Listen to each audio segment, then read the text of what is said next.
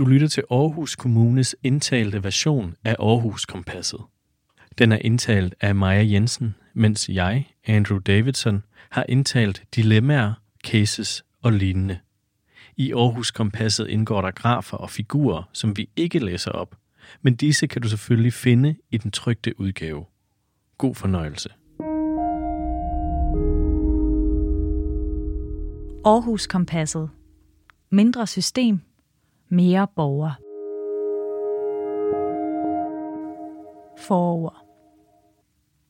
Med debatoplæggende Kærlig Kommune fra 2013 og Kommune Forfra fra 2015 indfangede Aarhus Kommune og Tænketanken mandag morgen sammen en række væsentlige forandringer i samspillet mellem kommunen og det omgivende samfund. Mere aktive borgere, opdagelsen af alternative ressourcer, nye partnerskaber og politikudvikling uden for rådhusmatriklen pegede alt sammen i retning af en velfærdsudvikling, der var under forandring. Siden da har både Aarhus Kommune, borgerne og samfundet flyttet sig yderligere, og aktuelle dagsordner såsom øget kompleksitet, tillidskrise mellem borgere og politikere, ændret demografi, klimaudfordringer og covid-19 har tydeligt understreget, at vi skal tænke nyt. Et stærkt civilsamfund og engagerede medborgere er helt afgørende, hvis vores velfærdsmodel skal bestå. Og her kommer vores hidtidige styringsmodel, virksomhedsmodellen, til kort. Derfor tog vi i marts 2019 officielt hul på at gentænke vores tilgang til den måde, vi driver vores kommune på. Vi kalder det en ny forståelsesramme, og vi er stolte over, at så mange har engageret sig så aktivt i at medskabe den. Ikke mindst de mange bidrag fra medarbejderrepræsentanterne og de faglige organisationer er velkomne og særdeles anvendelige. Den nye forståelsesramme handler grundlæggende om, at vi er nødt til at sætte stærkere fokus på det, der langt mere tydeligt giver værdi for borgerne og samfundet. Vi må nytænke og tilrettelægge vores ledelse, styring og velfærdsudvikling efter det. Det kræver blandt andet, at vi gentænker store dele af det New Public Management-regime, der fulgte med virksomhedsmodellen fra 2007. Uden at kaste hele fundamentet væk, myndighedsopgaverne og forpligtelsen til ansvarlig omgang med kommunens midler gælder jo fortsat, skal vi gå nye veje. Både når vi fastlægger de værdier, vi vil stræbe efter, når vi skal afgøre, hvem der bedst løfter opgaven, når vi skal følge op på, om det gik, som vi drømte om, og ikke mindst, når vi ledelses- og styringsmæssigt skal håndtere, hvis noget ikke går som forventet, og vi ikke har succes. Det bliver med sikkerhed svært. På områder som for eksempel samskabelse er vi godt i gang med at øve os, og vi kan ane konturerne af, hvornår og hvordan det fungerer bedst. På andre områder, som for eksempel styring med afsæt i værdi, er vi nu viser, som er i gang med at gentænke både mål, datagrundlag og opfølgningsmetoder. Det bliver med sikkerhed også dilemmafyldt, og det kommer til at kræve noget af alle – Politikere, borgere, civilsamfund, erhvervsliv, kommunale ledere, medarbejdere og tillidsvalgte skal sammen finde ud af, hvordan man skaber velfærd med udgangspunkt i mennesker og i lydhørhed, i stedet for ydelseskataloger og kontrol. Og vi kan lige så godt være ærlige. Vi har ikke alle svarene på forhånd, men vi har modet til at lytte til borgerne og prøve os frem. Vores medarbejdere har en stærk faglighed, som fortjener at blive sat mere i spil og vi åbner gerne kommunens døre til partnerskaber og fællesskaber for at afprøve nye løsninger. De dilemmaer, der følger med forståelsesrammen, vil efterlade både politikere, borgere, ledere og medarbejdere i situationer, hvor man skal træffe svære valg. Det er i disse situationer, vi alle sammen skal vise, at vi kan stå distancen. At vi ikke siger til borgerne, at vi lytter til, hvad der har værdi for dem, for derefter at lede og styre, som vi plejede at vi ikke sætter medarbejdernes dømmekraft fri, for derefter at indføre mere kontrol, hvis de ikke lykkes i første forsøg. Derfor har vi brug for ståsteder og holdepunkter, som kan hjælpe os med at navigere i dilemmaerne. Publikationen Aarhus Kompasset er derfor, som titlen antyder, et forsøg på at sætte en retning for en ny kurs. Kompasset er skabt på baggrund af samtaler med medarbejdere, tillidsvalgte, ledere, politikere, borgere og virksomheder, som hver især er udvalgt, fordi de repræsenterer et glimt af fremtidens måde at tænke kommune på. Deres fortællinger viser, at vi i alle afkroge af Aarhus Kommune allerede i dag er i gang med at oversætte den nye forståelsesramme til konkrete forandringer i hverdagen. På baggrund af de mange samtaler har Tænketanken mandag morgen identificeret fire nye veje til velfærdsudvikling. Vi håber, de fire veje kan blive et nærværende og handlingsanvisende kompas for, hvordan man kan gribe og være til stede i forandringerne. Vi håber også på, at fortællingerne i Aarhus Kompasset vil inspirere, vække undren og sætte gang i diskussioner og nytænkning. Sidst men ikke mindst håber vi på en bredere samfundsdebat, som involverer alle, der interesserer sig for nye måder at tænke ledelse, styring og velfærdsudvikling på. Eksperter, lovgivere, medier, civilsamfund og private virksomheder har alle en aktie i debatten. Aarhus Kompasset er derfor først og fremmest en invitation til alle. En invitation om at tænke med. God læselyst.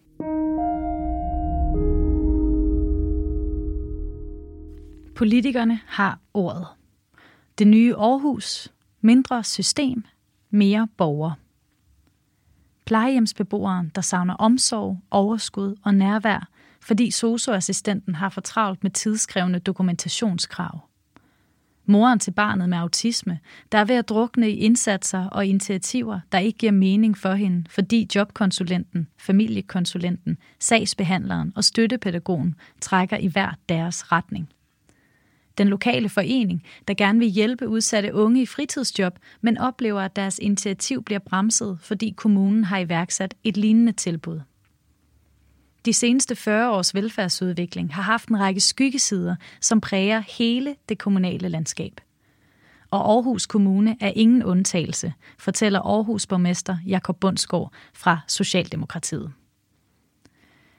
Vi er med tiden kommet til at tage for meget udgangspunkt i vores egne kommunale systemer, frem for at tage udgangspunkt i borgeren. Den udvikling har byrådet nu besluttet, at vi skal have vendt. Afsættet må være, at det vi gør som kommune, skal skabe værdi for borgerne. En ny erkendelse af nødvendighed. Det er et enigt byråd i Aarhus Kommune, som har besluttet, at Aarhus Kommune skal have en ny forståelsesramme. En ramme, som helt grundlæggende handler om at ændre en styring af velfærden, hvor kommunen glemmer at have fokus på det vigtigste. Hvad er det, som skaber værdi for borgerne? Vi er enige om, at vi skal tage et grundlæggende opgør med den måde, som vi har tænkt styring og udvikling på i Aarhus Kommune, siger Jakob Bundsgaard. Det kommer ikke til at ske på én gang. Det er jo en ret vild ambition, som vi har stillet os selv. Jeg ser det derfor sådan, at vi i byrådet har rejst et spørgsmål – Hvordan gør vi det her? Politikerne er ambitiøse, når de sætter ord på den nye retning. For magistratsmedlem Mette Skavtrup fra De Konservative er der tale om et grundlæggende opgør med mange års forfejlet detaljstyring og mistillid til medarbejderne. Og hun er ikke bleg for at indrømme, at pilen som udgangspunkt peger mod politikerne og den øverste ledelse af organisationen, hvis en nye forståelsesramme skal ud over rampen. Vi skal vaske trappen oppefra, hvis vi ønsker en reel forandring. Det gælder både politikerne, men det gælder også det øverste embedsværk, som skal turde stole på, at vi politikere mener det, vi siger.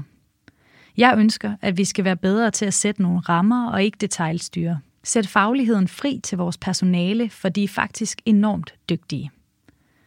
For Mette Skavtrup handler det grundlæggende om, at der bliver mere plads til at lytte til borgeren, frem for at finde ud af, hvilken kasse de passer ind i. Derfor er jeg optaget af, at beslutninger bliver rykket så langt ud og så tæt på borgeren som muligt.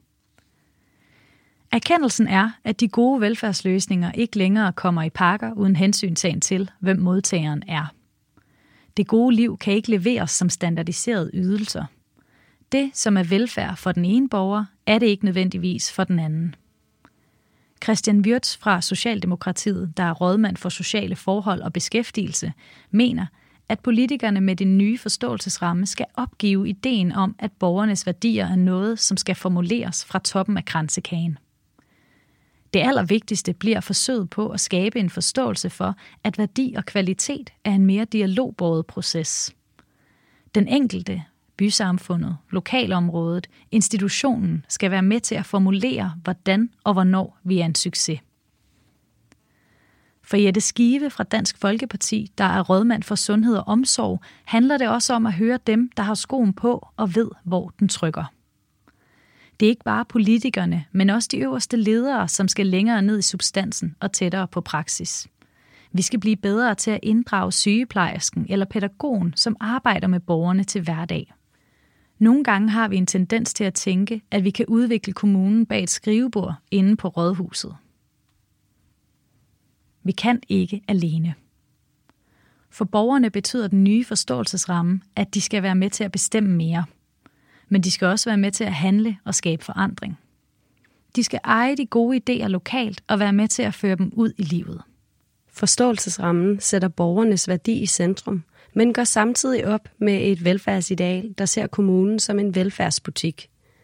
For den velfærdsmodel kan ikke bære, fortæller Thomas Medum fra Socialistisk Folkeparti, der er rådmand for børn og unge.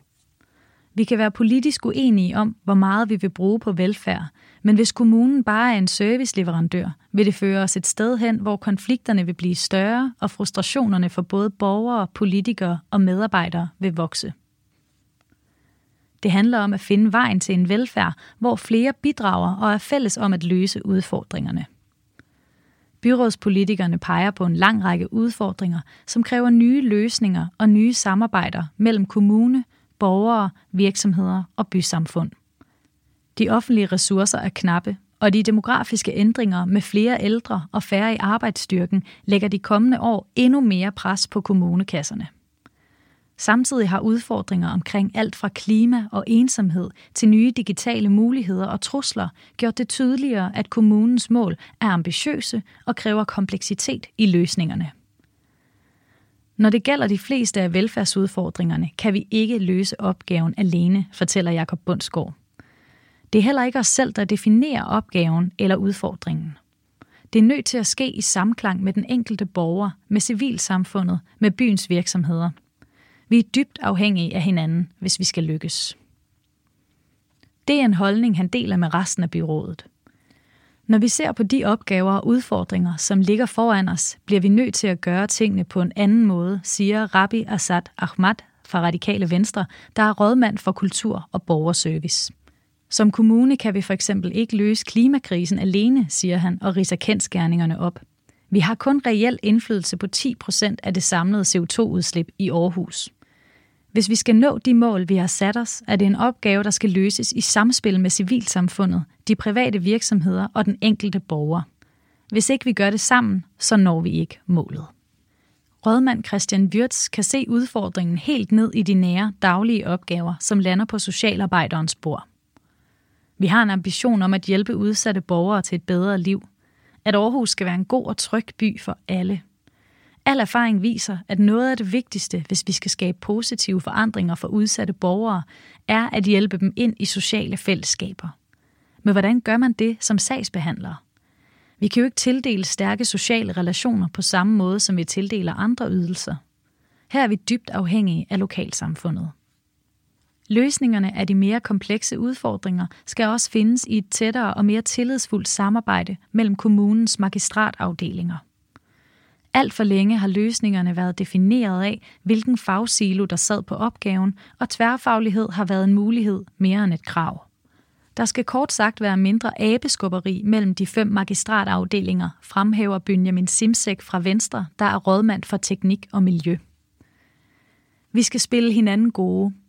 Hvis der er manglende tillid på tværs, så påvirker det også alle andres indflydelse og muligheder så en stor del af opgaven går ud på at gøre kompleksiteten mindre set fra borgerens perspektiv. I sidste ende er det et spørgsmål om en ny politisk kultur. Vi skyder alt for ofte skylden på søjler og siloer, men det handler ikke om strukturer. Det handler om personer og kultur. Som politikere skal vi turde frigive handlerum til, at medarbejdere kan lykkes på tværs. Ingen skal efterlades. Aarhus Kommune har en målsætning om at være en god by for alle. Det er kernefortællingen i de Aarhus-mål, som en mangfoldig gruppe af borgere udviklede sammen med kommunen i 2017 og 2018. En by, hvor aarhusianerne sammen skaber rammerne for det gode liv, og hvor der er plads til forskellighed og mangfoldighed. Fremtidens velfærd forudsætter derfor et aktivt civilsamfund. De gode rammer skal skabes i samspillet mellem borgere, virksomheder og kommune. Og i nogle tilfælde er civilsamfundet helt uden kommunens indblanding. Men kommunen har en vigtig opgave med at sikre, at alle borgere er med i udviklingen, understreger Rabi Assad Ahmad fra Radikale Venstre. Vi skal væk fra at tale om borgerne og kommunen som to forskellige ting. Og jeg synes faktisk, at vi er blevet bedre til at få borgerne med ombord i nogle af de vigtige dagsordner. Men vi skal blive bedre til at inddrage bredt, så Aarhus bliver en god by for alle. Flere af politikerne er bekymrede for, at kommunen for ofte ender med at inddrage de ressourcestærke borgere. I hvert fald er det ofte de borgere, som har overskud til at melde sig på banen og gøre deres holdning gældende, der tager initiativ til projekter eller møder op til høringer. For magistratmedlem Lone Henø fra Socialdemokraterne er der stadig en stor opgave i at sikre, at det ikke bare er de få, som bliver hørt. Bruger vi de rigtige dialogformer, når vi ud til forskellige borgere, eller er det de samme ressourcestærke borgere, vi får i tale? Vi skal blive bedre til at lytte, men vi skal også finde de nye måder at tage samtaler med borgerne på, påpeger hun, og tilføjer, at der ligger en særlig udfordring i forhold til at genskabe tilliden mellem politikere og borgere. Vi skal kunne tale om de svære ting og forklare, hvorfor byrådet har besluttet for eksempel fortætning af bymidten. Vi skal forklare og begrunde, hvorfor der bygges tættere og højere, i stedet for at bygge ud i det åbne land. Den slags dialoger skal vi være klar til åbent at tage med borgerne. Vi skal turde give plads til borgernes stemmer og prioriteringer, supplerer magistratsmedlem Lone Nordlander Schmidt fra Enhedslisten. Hun er inspireret af Aarhus Kommunes forsøg med deltagerbudgetter, hvor beslutningerne om den 10-årige anlægsplan rykkes ud fra rådhusmurene, og borgerne formidler om magt til selv at prioritere de ting, som giver mening i deres eget lokalområde. Hvis vi siger, at vi skal skabe noget sammen med borgerne, skal vi også gøre det. Vi skal turde gøre nogle ting på en anden måde. Ordene betyder jo noget, og mange borgere kan blive enormt frustrerede, hvis vi siger, at vi vil inddrage dem, men ikke har handlemod og vågemod til at gøre det, når det kommer til stykket. Vi skal skrue op for samskabelse. Borgeren skal med andre ord mere ind i maskinrummet, også når det gælder deres eget liv og livssituation. Flere politikere peger på projekt Langtidsledige tager teten som et inspirerende eksempel, hvor kommunen har rykket magten, kontrollen, men også ansvaret ud af jobcentret. I projektet har en gruppe kontanthjælpsmodtagere fået 50.000 kroner og frie tøjler til selv at bestemme, hvordan de kommer nærmere et job. Og med gode resultater til følge. Alligevel er der stadig et stykke vej før samskabelse af en integreret del af kerneydelsen, erkender Jakob Bundsgaard. Det bliver ofte en projektting og ikke noget, som kommer helt ind i kerneydelsen på de store velfærdsområder. Vi skal blive bedre til at integrere samskabelsen i driften. Selvfølgelig ikke alle steder. Nogle gange skal vi jo bare lappe et hul i vejen. Andre gange er der tale om en ren myndighedsopgave, hvor vi ikke nødvendigvis kan samskabe. Det bliver en øvelse at finde ud af, hvor det giver mening, og hvor der er tid, ressourcer og overskud. Med den nye forståelsesramme håber politikerne at komme nærmere et sprog og en fælles forståelse for samskabelse. Hvornår skal kommunen danne fortrop, bagtrop eller være inviteret med som gæst? Hvilke initiativer skal kommunen i gang sætte, og hvad vokser bedst nedefra? Og så er der det helt store spørgsmål om magt, roller og forventninger. Med den nye forståelsesramme skruer vi op for større involvering og inddragelse, siger rådmand Benjamin Simsek, men det er vigtigt at have en forventningsafstemning. Borgerne har sammensat et byråd, som de har valgt til at træffe beslutninger. I sidste ende er magten i byrådslokalet. Kommunens egen rolle og forventningerne til borgere, virksomheder og andre aktører skal derfor tilpasses situationen. Benjamin Simsek anerkender, at det bliver dilemmafyldt for medarbejderne, når de skal engagere borgere og skabe begejstring i et projekt, hvor de samtidig skal tydeliggøre fra start, at magten ligger i byrådslokalet. Men det er vi nødt til, ellers får vi for mange sager, hvor folk bliver skuffede. For rådmand Christian Wirtz er det netop den balancegang, som politikerne skal finde med den nye forståelsesramme. Balancen mellem på den ene side at frigive mere magt og beslutningskraft til borgerne, men samtidig også holde fast i den demokratiske beslutningsmodel. Et nyt værdibegreb fjerner jo ikke ansvaret for at træffe beslutninger. Det er vigtigt ikke at postulere, at en ny forståelsesramme vil fjerne konflikt, interessemodsætning og ressourcekamp fra det politiske rum. Det vil altid være der, og er jo også helt legitimt. Hvor skulle folk ellers gå hen? Mindre kontrol, mere plads til faglighed. I hjertet af den nye forståelsesramme ligger et opgør med kontrol. På tværs af politiske skæld fremhæves mod og tillid mellem politikere, ledere, frontmedarbejdere og borgere som det helt centrale element i den nye forståelsesramme. Lone Nordlander Schmidt mener, at politikerne skal tænke sig bedre om, før de søsætter nye krav til dokumentation og måling. Vi kan have en tendens til at sætte en masse i gang og bede organisationen skaffe os tal, når der er nogle ting, vi godt vil have gennemført. Så skaber vi de her ledelseslag, hvor folk rapporterer op og ned til hinanden. Der skal selvfølgelig være nogle systemer, hvor vi har mulighed for at få at vide, når noget ikke fungerer, men lederne skal også have ro til at lede, og medarbejderne ro til at udleve deres faglighed. Og helt ærligt, mange gange ved vi jo godt, om noget vil virke i virkeligheden eller ej. Rådmand Rabbi Assad Ahmad er enig i, at der er behov for en mere refleksiv tilgang til tal og data.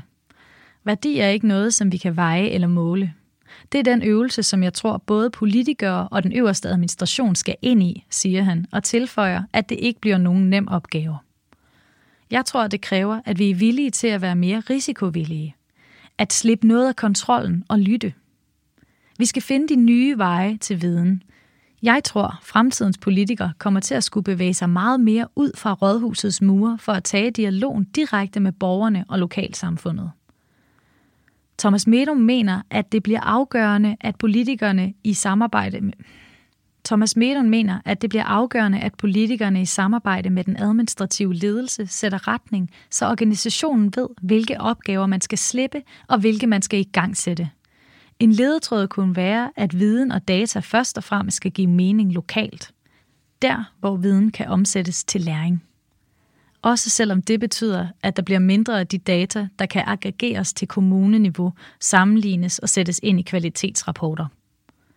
Man kommer til at mærke en kommune, som er mere i øjenhøjde og som iværksætter færre standardiserede løsninger. På sigt vil det betyde, at vi som politikere får mindre overblik – fordi vi kommer til at kunne lave færre standardiserede målinger, test og undersøgelser. Vi skal stadig lave målinger, men det kan være, at den forældretilfredshedsundersøgelse ikke skal laves for hele kommunen. Måske er det i fremtiden den enkelte dagtilbudsbestyrelse, som bestemmer, hvad det er vigtigt at spørge forældrekredsen om. Ikke alt skal kasseres. At slippe kontrollen betyder ikke, at kommunen ikke længere har en samfundsmæssig forpligtelse til at sikre, at de fælles ressourcer anvendes til at skabe størst mulig værdi. Alle politikere på tværs af partier er enige om, at der skal være styr på både lovgivning og kommunens anvendelse af borgernes skattekroner. Målet med den nye forståelsesramme er at balancere det klassiske styringsmæssige fokus på sikker drift med en ny kultur, som fremmer mere risikovillighed, innovation og samskabelse for at udvikle bedre velfærd og trivsel for borgerne. Der er enormt meget data, som ikke bliver brugt, fortæller magistratsmedlem Lone Henø fra Socialdemokratiet. Men vi må bestemt ikke kassere alt. Der er masser af målinger, som er vigtige. Tag de målinger og tilsynsbesøg, som vi laver ude på de enkelte plejehjem. Der, hvor vi er nede i materien, ude i det virkelige liv. De har en høj politisk værdi og bliver brugt til at træffe bedre politiske beslutninger. Og de målinger har også stor værdi for den enkelte medarbejder og giver mening lokalt. Og så er det jo fint. Politikerne er enige om, at viden skal bruges til at skabe værdi og læring så tæt på borgeren som muligt. Men de ser også nogle større udfordringer. Den nye forståelsesramme skal for alvor bestå testen, når noget går galt. Når tilliden brydes, når fejlene opstår. I de tilfælde, siger Thomas Medum, vil politikerne blive udfordret på de værdier, som ligger i den nye tilgang til at drive kommune. Så bliver det utrolig vigtigt at holde fast i, at det ikke er sikkert, at mængden af kontrol er lige med større sandsynlighed for, at vi undgår svigt. Det er i de tilfælde, at man kan komme til at indføre nye eksterne tilsyn, nye målinger, nye kontrolmekanismer. Hvor vi kommer til at flytte ressourcer hen et sted, hvor det ikke giver mere værdi for hverken borgere eller medarbejdere. På side 80 kan man læse om, hvordan politikerne ser deres rolle i forhold til at hjælpe den nye forståelsesramme på vej i organisationen, også når der opstår fejl, og det bliver svært. Mere frihed, nye udfordringer. Aarhus Byråd har enstemmigt vedtaget, at Aarhus Kommune skal have en ny forståelsesramme. En ambitiøs forståelsesramme, som rummer potentialet for enorme velfærdsforbedringer. Men også en forståelsesramme, som rejser flere spørgsmål end svar. Ingen er i tvivl om den kulturforandring, som venter. Det kommer til at kræve noget af alle i organisationen. Nye arbejdsgange, nye arbejdsformer og nye måder at bruge sin faglighed på. Når de standardiserede ydelser mindskes, rykkes råderummet, ansvaret og dilemmaerne ud i organisationen til den enkelte leder og medarbejder i frontlinjen. Lone Henø forudser, at det dermed kan blive mere udfordrende for den enkelte medarbejder, der skal kunne navigere i nye, mere faciliterende roller, uden at gå på kompromis med at sikre borgernes retssikkerhed, en økonomisk bæredygtig drift og en faglig kvalitet, vi kan stå indenfor. Nogle gange er der høje forventninger til kommunen. Her bliver det sværere, hvis man ikke kan følge en instruks. Medarbejderne har brug for, at deres leder bakker dem op, når de tager en beslutning. At de ikke bliver underkendt i beslutninger, hvor der er et fagligt skøn. Mette Skavtrup, der ved siden af jobbet som politiker arbejder i magistratsafdelingen for sociale forhold og beskæftigelse, forudser, at der er et stort ledelsesansvar i forhold til at støtte de medarbejdere, som kan opleve friheden som en udfordring. Ønsker alle vores medarbejdere den her frihed? Der skal være plads til de medarbejdere, der ikke trives godt i for meget frihed. Der i ligger et kæmpe ledelsesmæssigt ansvar. Man skal kende sine medarbejdere. Hvor langt kan man skubbe dem? Vi kan, hvis vi vil. Selvom der således er nogle opmærksomhedspunkter, skinner begejstringen, optimismen og håbet igennem. Særligt en begivenhed har vist potentialet og givet troen på, at det kan lade sig gøre at forandre, fortæller rådmand Jette Skive. Corona har vist os, at vi kan ændre på de byråkratiske systemer. Det er blevet tydeligt, hvad der kan lade sig gøre, når vi rykker sammen og kaster noget af byråkratiet over bord. Pludselig kunne vi løse svære udfordringer lynhurtigt. Udfordringer, hvor vi plejer at løbe panden mod en mur, kunne lige pludselig koordineres på tværs af siloer og fagsystemer. Corona har vist os, at det kan lade sig gøre. Mange politikere peger på samme tendens. Coronaepidemien har været en kærkommen påmindelse om, hvad byen kan, når der rykkes sammen på tværs af kommunale fagsiloer og civilsamfund. Den nye forståelsesramme har derfor timingen med sig, håber Jakob Bundsgaard. Noget af den erfaring, som vi har draget i forbindelse med coronakrisen, betyder, at vi kan accelerere udviklingen. Det skal vi huske hinanden på. Det bliver selvfølgelig ikke nemt, men vi ved, at vi kan reformere og forandre systemerne. Det ville klart være meget nemmere, hvis vi havde fuld kontrol og hånden på alle rorpinde. Men sådan er verden heldigvis ikke skruet sammen. Der skal en mangfoldighed af indfaldsvinkler til, hvis vi skal lykkes. Den nye forståelsesramme er derfor ikke et svar. Det er en invitation til alle om at tage del i kulturforandringen og være med til at udvikle og forbedre velfærden i Aarhus. Aarhus Kommunes nye forståelsesramme har tre holdepunkter. 1. Styrket fokus på værdi. Aarhus skal være en god by for alle. Aarhus-målene er vores udgangspunkt. Vi udvider vores effektbegreb til et værdibegreb. Vi sætter værdi for borgerne og samfundet helt i centrum. 2. Styrket samskabelse.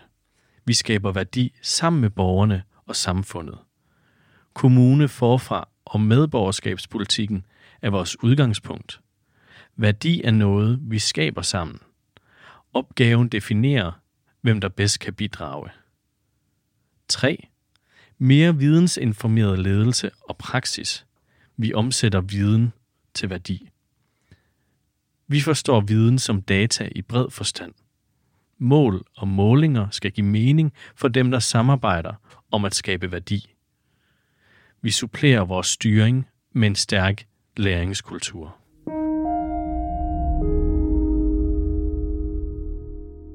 Sådan finder du rundt. Aarhus Kompasset oversætter den nye forståelsesramme til fire veje. Veje, der alle sammen er vigtige at gå ud på, hvis Aarhus Kommunes nye forståelsesramme skal blive til mere end bare tanker og ord.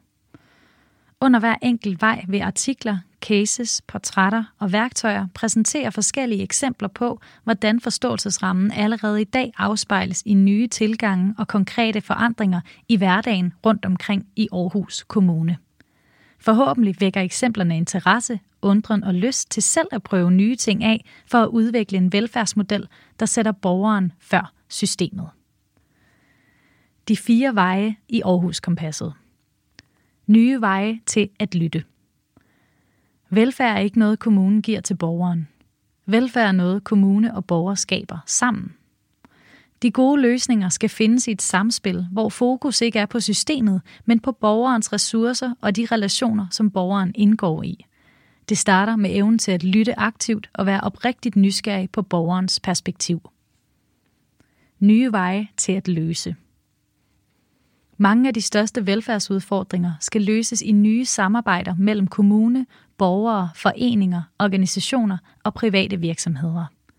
Udfordringer som for eksempel klima og miljø, ensomhed, livsstilssygdomme og hjemløshed kræver både innovation og medborgerskab. Det kræver også, at mange forskellige kompetencer, perspektiver og ressourcer får plads og tager fælles ansvar. Derfor skal kommunen ikke altid sætte sig for bordenden, men invitere til et mere ligeværdigt samarbejde. Nye veje til at lære.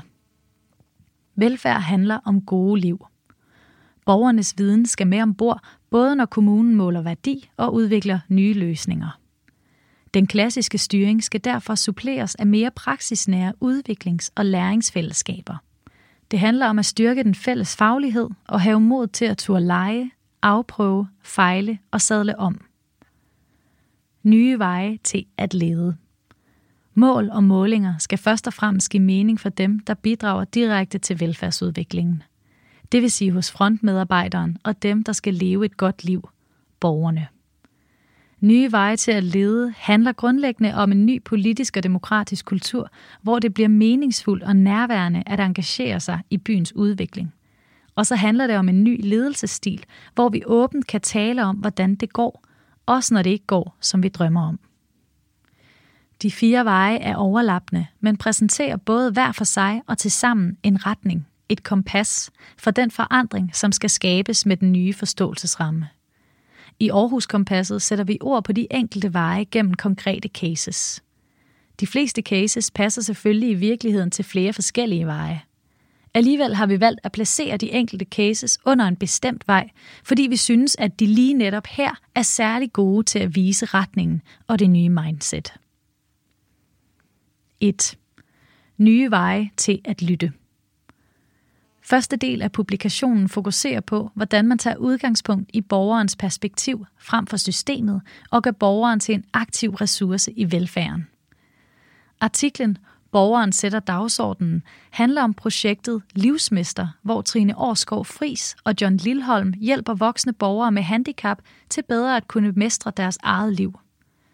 I artiklen fortæller de blandt andet om tilgangen åben dialog, hvor sagsbehandleren træder i baggrunden for at lade borgerens drømme, mål, netværk og ressourcer komme på banen.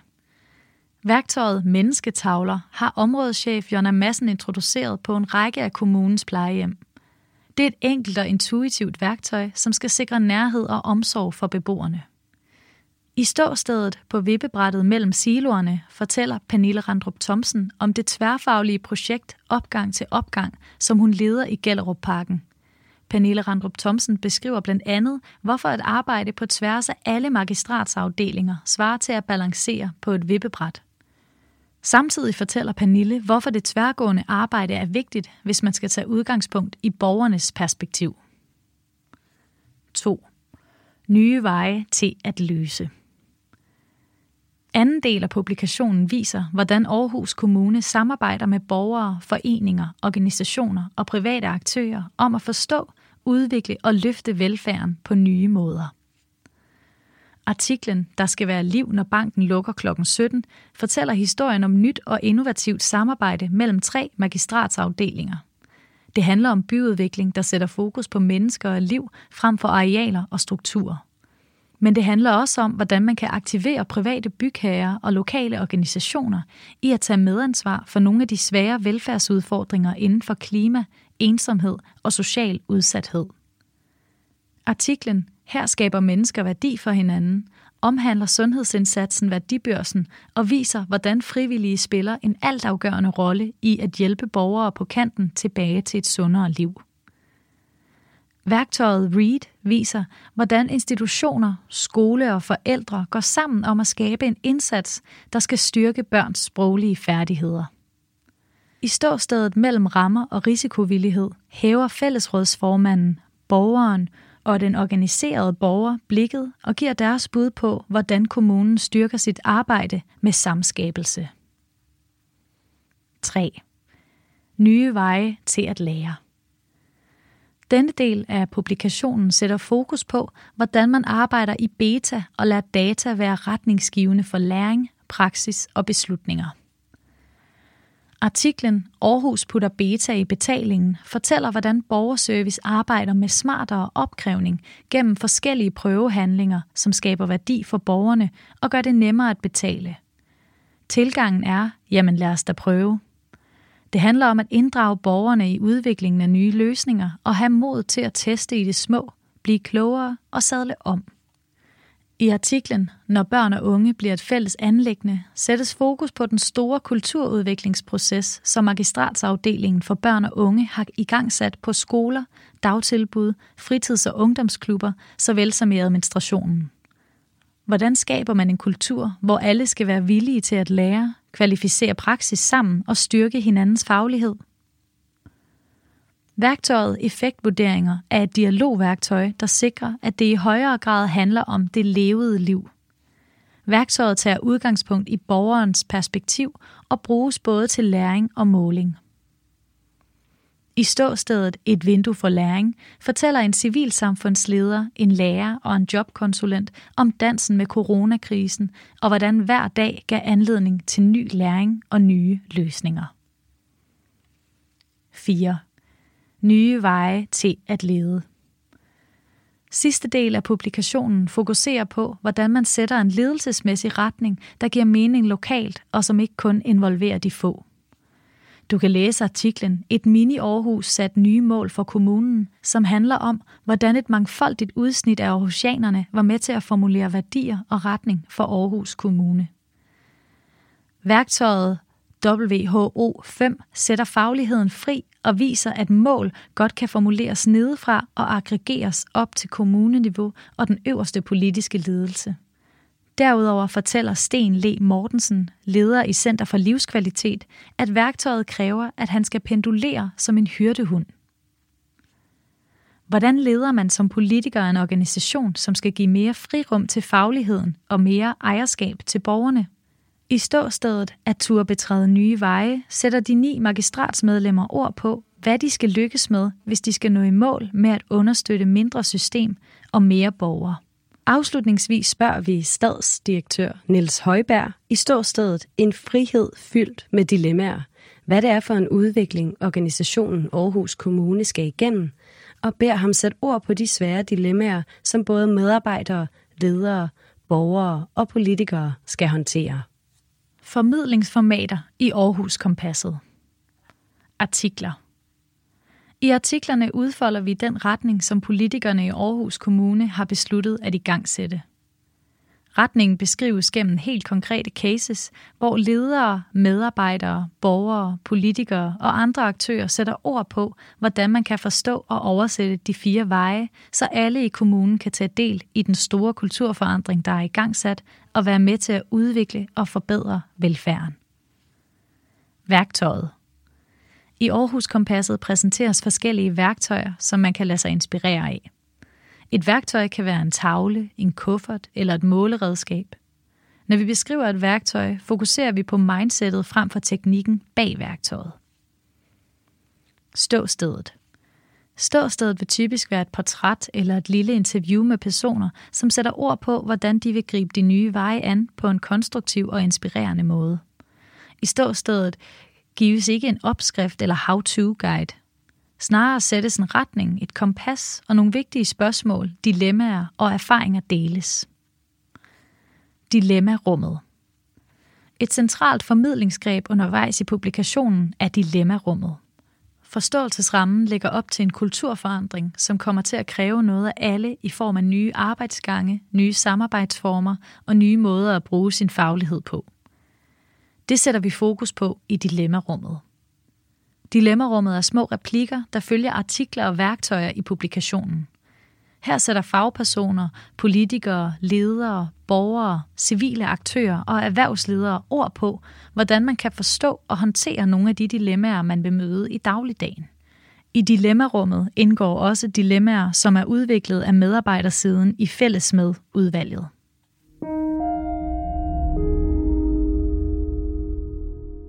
Et Nye veje til at lytte.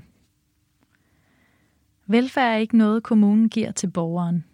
Velfærd er noget, kommune og borgere skaber sammen. De gode løsninger skal findes i et samspil, hvor fokus ikke er på systemet, men på borgerens ressourcer og de relationer, som borgeren indgår i. Det starter med evnen til at lytte aktivt og være oprigtigt nysgerrig på borgerens perspektiv. Nye veje til at lytte handler om at flytte fokus fra afgørelse til dialog, fra ydelse til ejerskab, fra retningslinjer til relation, fra standarder til drømme. Nye veje til at lytte handler om at tage udgangspunkt i borgerne frem for i kommunens systemer. Brug artiklen som afsæt til at drøfte, hvordan I kan styrke afdelingens evne til at tage stærkere afsæt i borgerens perspektiv, ressourcer og netværk. Borgeren sætter dagsordenen. I projektet Livsmester, som er rettet mod unge voksne med handicap, er det borgerne, der så at sige sidder for bordenden i deres eget liv. De professionelle medarbejdere fra kommunen skal i højere grad lytte. Tilgangen kaldes åben dialog og baner vejen for det fælles mål, nemlig at borgeren i højere grad mestrer eget liv. Det traditionelle handleplansmøde er sagsbehandlerens. Det er sagsbehandleren, der tilrettelægger mødet, indkalder deltagere, udarbejder dagsordnen og leder mødet. Sådan foregår det ikke, når voksne, job og handicap anvender tilgangen åben dialog, som er en del af kultur- og kompetenceudviklingsprojektet Livsmester. Livsmester handler om at udvikle og udfolde potentialet for, at unge voksne i endnu højere grad får mulighed for at mestre deres eget liv. På handleplansmøderne i voksne job og handicap betyder det, at bolden skifter banehalvdel. Det er borgeren, der beslutter, hvem der deltager og hvad man taler om på mødet. Møderne er ofte personrige, da både familie, venner, læge, bostøtte, kontaktperson, jobcenterkontakt og mange flere kan være til stede. For Trine Årskov Fris, der er faglig konsulent og mødeleder i voksne, job og handicap, er tilgangen givende for både borgere og medarbejdere. Hun oplever i langt højere grad, at borgeren tager ejerskab over egen livsmestring, og at handleplanen ikke blot ligger og samler støv i det kommunale registreringssystem. Der er tid til reelt at lytte til, hvad borgeren siger. Hvilke ønsker, drømme og behov borgeren har. Vi indleder ofte med at lægge handleplanen lidt væk, og så taler vi om det, der er vigtigt for borgeren lige nu og her. Konceptet giver plads til pause og refleksion undervejs på møderne. Det betyder, at alle får mere tid til at lytte til hinanden. Der bliver skabt et rum, hvor tingene bliver lettere at sige, fordi man siger tingene til mødelederen, og folk får tænkt sig om, inden de siger noget. Der er en anden fred og ro på handleplansmøderne til at tale om de svære ting. Der er ikke en dagsorden, der skal vinges af.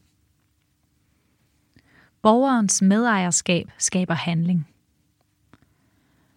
Hvis ikke borgeren har været involveret eller taget ejerskab til handleplanen, sker der typisk ikke noget.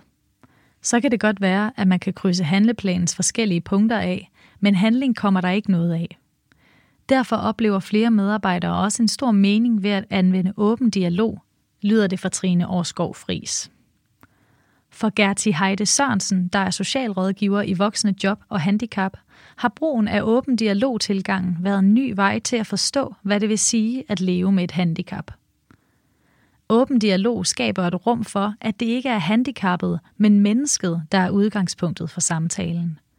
Når man slipper styringen og giver dialogen plads, giver det borgeren en bedre mulighed for at nå frem til, hvad han eller hun gerne vil sige og har brug for støtte til. Men når man går på opdagelse i det, borgeren siger, og finder ud af, hvad der ligger bag et bestemt ønske, medfører det også nogle dilemmaer, fortæller Trine Årskov Fris. Selvom vi anvender en anden tilgang, så ændrer det jo ikke på, at vi ikke kan indfri alle ønsker og drømme, og slet ikke med det samme. Alligevel er det min oplevelse, at vi i samarbejde med borgeren bliver bedre til at forstå, hvad deres drømme og ønsker er. Og egentlig også den anden vej rundt, at borgeren selv får en tydelighed omkring deres drømme og ønsker. Selvom vi ikke kan alt, så synes jeg, at den fælles forståelse skaber en vej til at virkeliggøre nogle af drømmene. Netværk fører til livsmestring. Et kerneelement i livsmester er, at borgerens netværk deltager på møderne. Det er gavnligt på flere niveauer. Dels på det samfundsøkonomiske plan, da et stort møde, hvor flere hører det samme og er interesseret i samme mål, er mere effektivt end mange små møder. Og dels fordi det giver borgeren mulighed for at skabe flere forandringer mellem møderne, når meget kan afklares og aftales på én gang. Det er ikke det, der sker på møderne, men mellem møderne, der virkelig rykker på noget og er med til at skabe et drive hos borgeren. Pointen er, at når der er netværkspersoner med, som ikke kun er kommunens folk, men borgerens eget netværk af familie, venner, medborgerguide med flere, kan borgeren i samskabelse med dem handle på forhold, man ellers ikke vil have rykket på, siger Trine Årskov Fris. Et system med dybe rødder. Livsmester er stadig et udviklingsprojekt, som Aarhus tester med støtte fra Veluxfonden frem mod foråret 2021. Det helt store spørgsmål er, hvordan erfaringerne fra livsmester kan integreres i kernedriften i sociale forhold og beskæftigelse. John Liholm, projektleder på Livsmester, erkender, at det er en udfordring. Det kræver, at vi som organisation modellerer og tilpasser os, så vi kan integrere det nye. Vi har bygget en kultur op med bestemte roller. Vi har en bestemt følelse af ansvarlighed, som er meget central, som pludselig er i spil. Selvom man har gode oplevelser med åben dialog, sidder det gamle system dybt hos såvel medarbejdere som ledere. Det kræver et paradigmeskifte, og det tager tid at ændre på. Det forudsætter, at den øverste ledelse ved det. Og det kræver, at medarbejderne involveres, så de også kan se lyset i det. Dertil skal de organisatoriske rammer være gearet til at bære projektet videre. Åben dialog og medborgerguides må ikke bare blive en ekstra opgave, men skal i stedet ses som en ny måde at løse kerneopgaven på. Det skal anvendes og tilpasses, hvor det giver mening lokalt, siger John Liholm. Det budskab er Trine Årskov Fris enig i. Ledelsen skal turde stole på den værdi, den skaber. En værdi, der til tider er knap så målbar, men som derimod beror på en større brugeroplevet kvalitet – for pårørende Ulla og Anders Mo Rasmussen er der ingen tvivl om, at de gerne vil afholde åben dialogmøder i fremtiden. Det styrede møde, det langsomme tempo, spillereglerne, rækkefølgen, der gjorde, at vi alle kom til ord en efter en. Det var på alle måder en god mødeform og en god oplevelse, både for os og vores søn. Mød en medborgerguide. En medborgerguide er en borger med en funktionsnedsættelse, som guider projektets borgere og støtter med alt fra praktisk hjælp til samtaler. Thomas er frivillig medborgerguide for tre borgere i projekt Livsmester. Hvordan skaber det værdi for dig at være medborgerguide? Jeg er oprindeligt uddannet fysioterapeut og er nu på førtidspension, hvilket er meget svært, da der var enormt meget identitet koblet op på mit arbejde – at være medborgerguide giver mig min identitet tilbage og en følelse af at være noget. Jeg er nyttig i samfundet og kan give noget tilbage. Jeg bliver glad og føler mig stærk og værdsat. Hvilken forskel gør det for borgeren at have en medborgerguide? Jeg er bindeledet mellem system og borger. Godt nok arbejder jeg frivilligt for kommunen, men jeg er rekrutteret for samme fællesmængde som borgeren. Vi har været igennem noget af det samme og oplevet, hvordan det er at være marginaliseret. Jeg oplever, at de borgere, jeg er medborgerguide for, er glade. De lukker op for nogle ting og for nogle frustrationer. Der opstår et rum, hvor man ikke er system, heller ikke ven, men noget imellem. På hvilken måde understøtter du borgeren? Det kan være alt muligt. Det er alt fra afklarende samtaler til at hjælpe med noget så konkret som at træne en borger i at tage bussen, for eksempel efter en hjerneskade eller andet handicap. Jeg kan være den hjælpende hånd, for eksempel når altankasserne skal klargøres til vinteren, eller når det driller med computeren eller telefonen. Alt det, som hverken hjemmehjælperen eller bostøtten kan. Værktøjet. Mennesketavler. Malene elsker at strikke og sy. Ellen elsker naturen og blomster. Hun vil gerne med ud at handle, hvis der er tid. Sten vandt mesterskabet i Glostrup Skakklub i 1989. Han følger med i alle Magnus Carlsens kampe. Små anekdoter, fortællinger og historier pryder Aarhus Kommunes mennesketavler. Tavlerne hænger inde på personalestuerne på de syv plejehjem i området Vest, og de fortæller i stikord historien om beboernes liv, interesser og hverdagsstrømme. Det er Jonna Madsen, der har indført tavlerne. Hun er viseområdeschef for syv plejehjem i Aarhus Kommune, og for hende er tavlerne et redskab, der sikrer, at beboerne kontinuerligt er omdrejningspunktet for plejen. Både hvad angår de sundhedsfaglige og plejefaglige opgaver, samt det menneskelige samspil.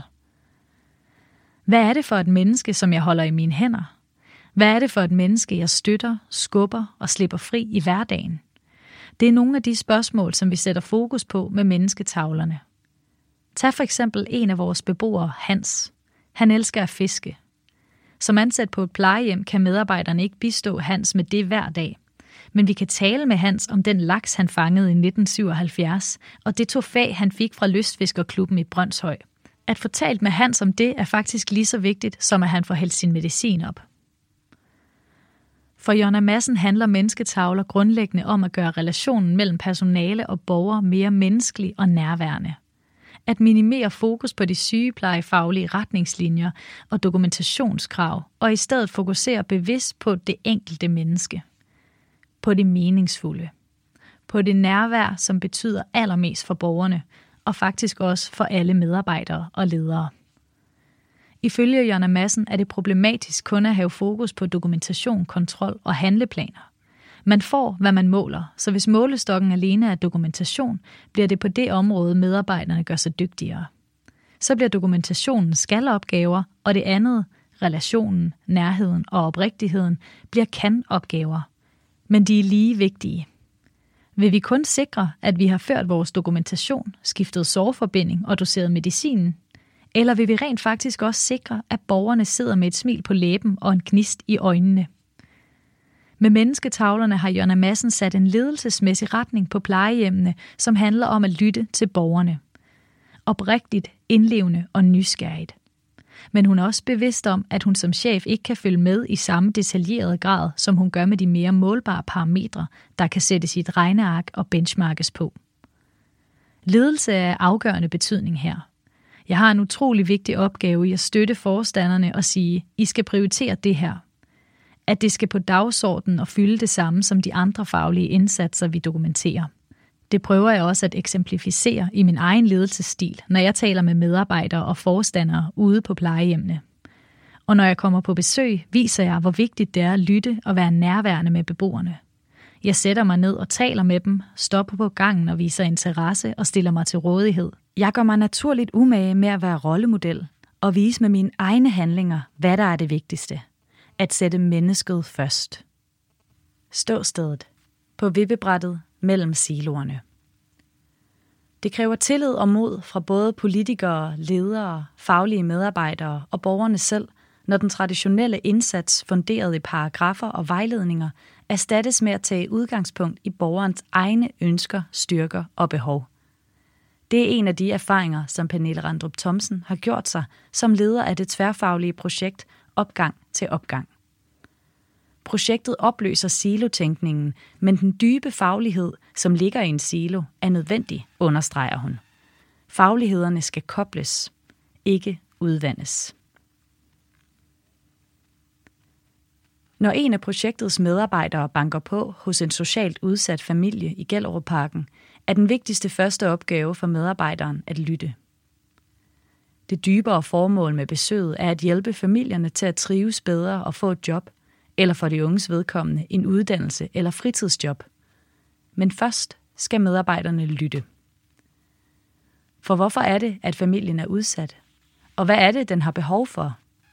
Hvad drømmer familiemedlemmerne om? Hvad skal der til, for at forældrene kommer ind på arbejdsmarkedet? Og hvordan kan kommunen og familien arbejde sammen om at gøre det muligt? Aarhus Kommunes tværfaglige projekt Opgang til Opgang er en markant anderledes type beskæftigelsesindsats, end alle involverede har været vant til. Målet er i første omgang at nå mindst 60 udsatte familier i Gellerup-parken i projektet, der skal afprøves i forløb i fire år. Det faglige team, der er en del af projektet, kommer fra fem forskellige afdelinger. Social- og beskæftigelses, børn og unge, sundheds- og kulturforvaltningen, og de har hver deres faglighed, som de nu sammen med familierne skal få i spil. Pernille Randrup Thomsen, som er leder af projektet, sammenligner det med at stå på et vippebræt.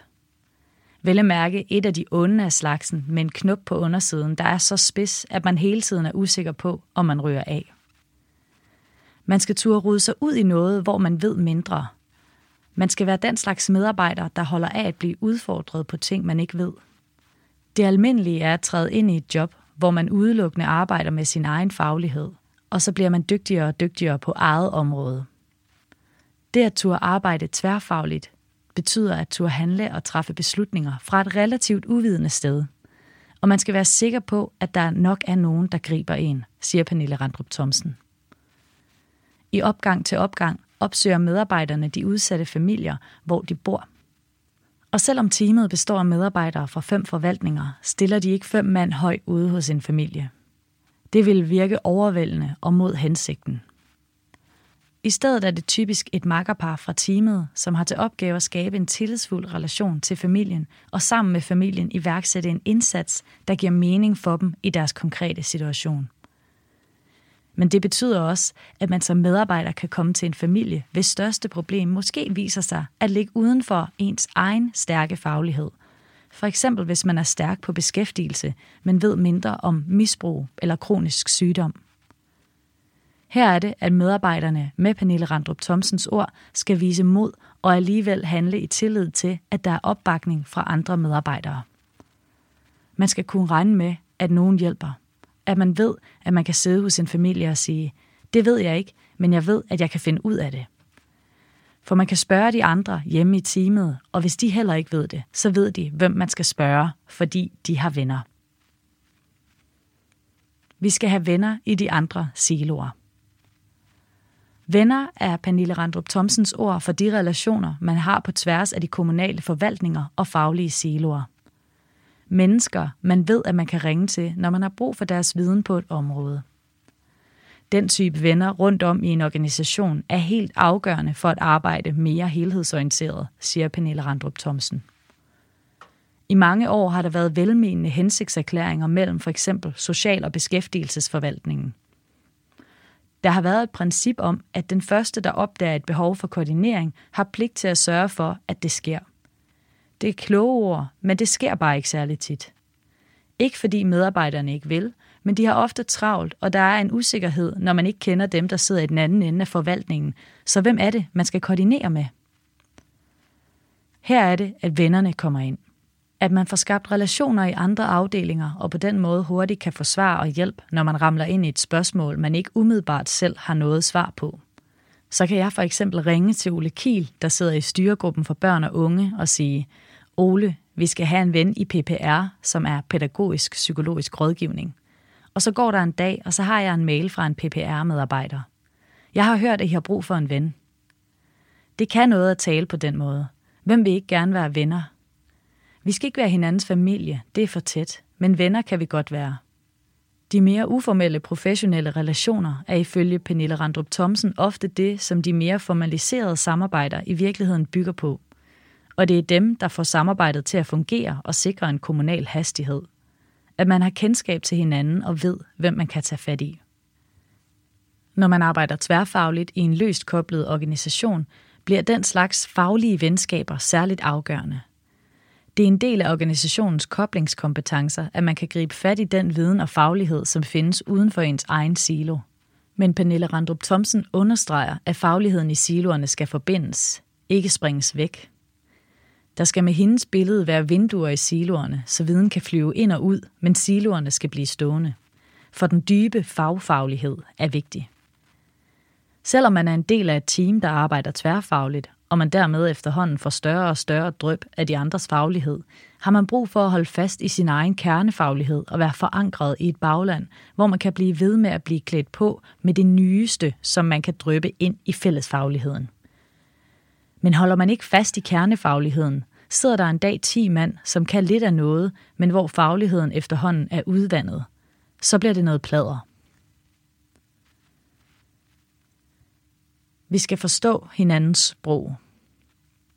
Det tværfaglige arbejde kræver også, at man forstår hinandens sprog og måde at opfatte tingene på. Det er ikke så selvfølgeligt, som det umiddelbart lyder. Jeg har været vant til at lede socialrådgivere, der sad i myndighedsafdelinger. De har forstået, at loven hverken er urimelig eller rimelig. Den er bare. Det forstår man godt, når man er myndighedsrådgiver. Man har et juridisk afsæt. Det gør man ikke, når man er pædagog, lærer, socioassistent eller ernæringsekspert. Så har man en anden forståelse. Det er ikke bare sproget, det er forskellige organisatoriske afsæt, siger Pernille Randrup Thomsen. Pernille Randrup Thomsen taler meget om mod. Mod til at være usikker, mod til at sige det højt, mod til at gribe fat i andre. Men modet er også nødvendigt andre steder, når man ændrer måden at gøre tingene på. Når mere overlades til medarbejderens vurdering, kræver det tillid fra ledelsen og et mod til at slippe kontrollen og styringen. Det kræver, at man er til stede som leder, siger hun. I takt med, at medarbejderne har fået større råderum, er kravene til faglig og personlig sparring og koordinering steget, og derfor har hun også erkendt, at hun højst kan være leder for 10 medarbejdere, når det handler om tværgående arbejde. Hun skal kunne lytte og være til rådighed, og det kan hun ikke, hvis hun har ansvar for flere. Man skal som leder være oprigtigt nysgerrig og have evnen til at undre sig og tænke, hvorfor siger du det? Hvad har du fået øje på, som jeg ikke kan se her? Og man skal have tilliden til, at ens medarbejdere både kan og vil. Det tror jeg, at de fleste ledere har, men man skal være meget eksplicit omkring det. Medarbejderne skal vide, hvad deres råderum er, og at de har ret til at være i tvivl i råderummet, siger hun. Det kræver også mod og tillid fra kommunens politiske ledelse, hvis der skal skabes rum til, at medarbejderne i langt højere grad sættes fri til at bruge deres faglighed. Her er Pernille Randrup Thomsen inspireret af byen Wigan i England, hvor man med The Wigan Deal for snart 10 år siden har forsøgt at ændre hele måden at tænke offentlig velfærd på. Her sætter byrådet rammerne for, hvor kommunen cirka skal hen. Men ikke regler. Alle forpligtes til at samarbejde. Politikerne og kommunens chefer skal hver uge besøge et yderste led i kommunen. Man tror også på, at civilsamfundet sammen med de kommunale kan løfte opgaven og løse problemerne. Der er tillid hele vejen i systemet, også når det angår problemer, der kræver deling af data. Vi er gode til at sige, det må jeg ikke, der er vandtætte skodder. Vi er hurtige til at bruge GDPR som en bremse for os selv. Men du må dele alt, når der er samtykkeerklæringer. Den slags samtykke kræver til gengæld mod og tillid også fra borgerne. De skal stole på, at kommunens medarbejdere ved dem det godt. Det gælder også i opgang til opgang, siger Pernille Randrup Thomsen. For den eksperimenterende måde at arbejde på betyder, at familierne skal åbne sig og fortælle åbent om deres problemer, ønsker og behov. De troede ikke på, at vi kom fra kommunen. Der var aldrig nogen, der var kommet fra kommunen og havde sagt, det I ønsker, vil vi gerne samarbejde med jer om. De var vant til at få at vide, hvad de kunne få, hvad de havde ret til og pligt til. Der var ingen, der havde spurgt dem, hvad der var vigtigt for dem. Det kræver tillid at tro på, at vi mener det. Og det kræver tillid at tro på, at de der medarbejdere ikke kommer med løsningen, men stiller deres faglige viden til rådighed. Det er da et svært sted at være, når man er vant til, at velfærdsstaten har defineret indtil nu. Den gensidige tillid kræver også, at kommunens medarbejdere og ledelse holder op med at tale om at sætte borgeren i centrum, siger Pernille Randrup Thomsen. Det kan kun gå for langsomt at udrydde det udtryk. Vi skal ikke gøre noget på borgerne. Borgerne skal ud i rundkredsen og være lige så ligeværdige. De skal være i kredsen, ligesom os andre. De skal ikke sidde der i midten og blive gjort noget på. Det er et skidt billede. I stedet skal vi betragte borgeren som medskaber af sin egen forandringsproces. Eller sagt mere jævnt, vi finder løsningen sammen med familien eller borgeren. Dilemma. Skal man øve sig på at afgive kontrol? Det har altid været vores opgave at imødekomme borgeren, men dette er på et andet plan. Vores rolle er forandret, og vi træder mere i baggrunden. Det kan være angstprovokerende for nogle medarbejdere at møde op til et møde uden fast dagsorden. Nogle synes, det er svært og fluffy, så det vil vi øve os i at finde ro med. John Liholm, projektleder, livsmester. Dilemma. Hvis drømmene bliver for store? Nogle gange kan man som borger i åben dialogmøderne få indtryk af, at alt er muligt. Her balancerer vi som fagpersoner på en line, hvor vi på den ene side skal skabe et rum med plads til en fri og åben dialog om muligheder, mens vi på den anden side skal skabe realistiske forventninger hos borgeren. John Liholm, projektleder, livsmester. Dilemma. Spænder lovgivning og myndighedsopgaver ben for samskabelse? Nogle gange er der grænser for samskabelse, for eksempel indbygget i lovgivningen eller byrådsbeslutninger. Skal man insistere på samskabelse, hvis det udfordrer borgernes retssikkerhed eller de fagligt bedste løsninger? Hvad nu hvis samskabelse er meget ressourcekrævende? Fælles med udvalget. Dilemma. Hvad hvis borgeren ikke vil i bad? Vi har kvalitetsstandarder. Vi skal for eksempel tilbyde den ældre borger at komme i bad en gang om ugen, men samtidig skal vi sætte borgeren først. Og hvad hvis borgeren bare gerne vil noget andet? Hvis borgeren siger, vil du ikke bare drikke en kop kaffe med mig i stedet for det bad? Det vil jeg meget hellere. Skal vi så have modet til at lytte til, hvad de siger? Men modet følger det, at vi kan ende med at få klage fra for eksempel et familiemedlem, der gerne vil noget andet på deres mors eller fars vegne. I dette tilfælde, få et bad. For hvad hvis datteren ser det som omsorgssvigt og i yderste potens, dogenskab? Det er hverdagens dilemmaer.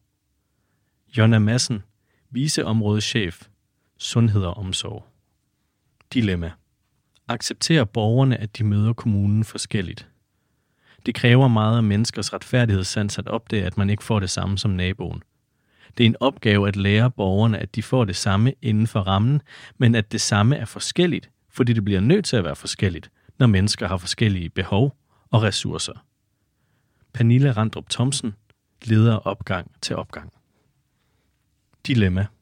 Hvad hvis ens leder ikke bakker en op? Medarbejderne skal bruge deres professionelle dømmekraft, og deres faglighed skal sættes fri. Men hvad sker der, hvis lederen ikke bakker sine medarbejdere op, når der kommer en skandalesag? Hvad nu, hvis lederen ikke anerkender, at den faglige frihed er dilemmafyldt? Marianne Gilbert Nielsen, formand for BUPL Aarhus. Dilemma. Hvad hvis man opdager noget, man som myndighed burde reagere på?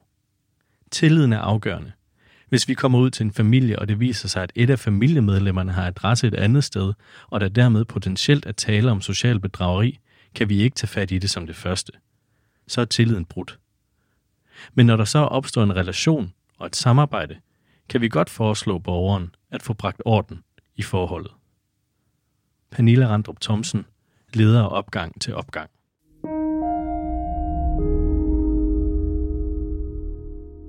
To. Nye veje til at løse. Mange af de største velfærdsudfordringer skal løses i nye samarbejder mellem kommune, borgere, foreninger, organisationer og private virksomheder.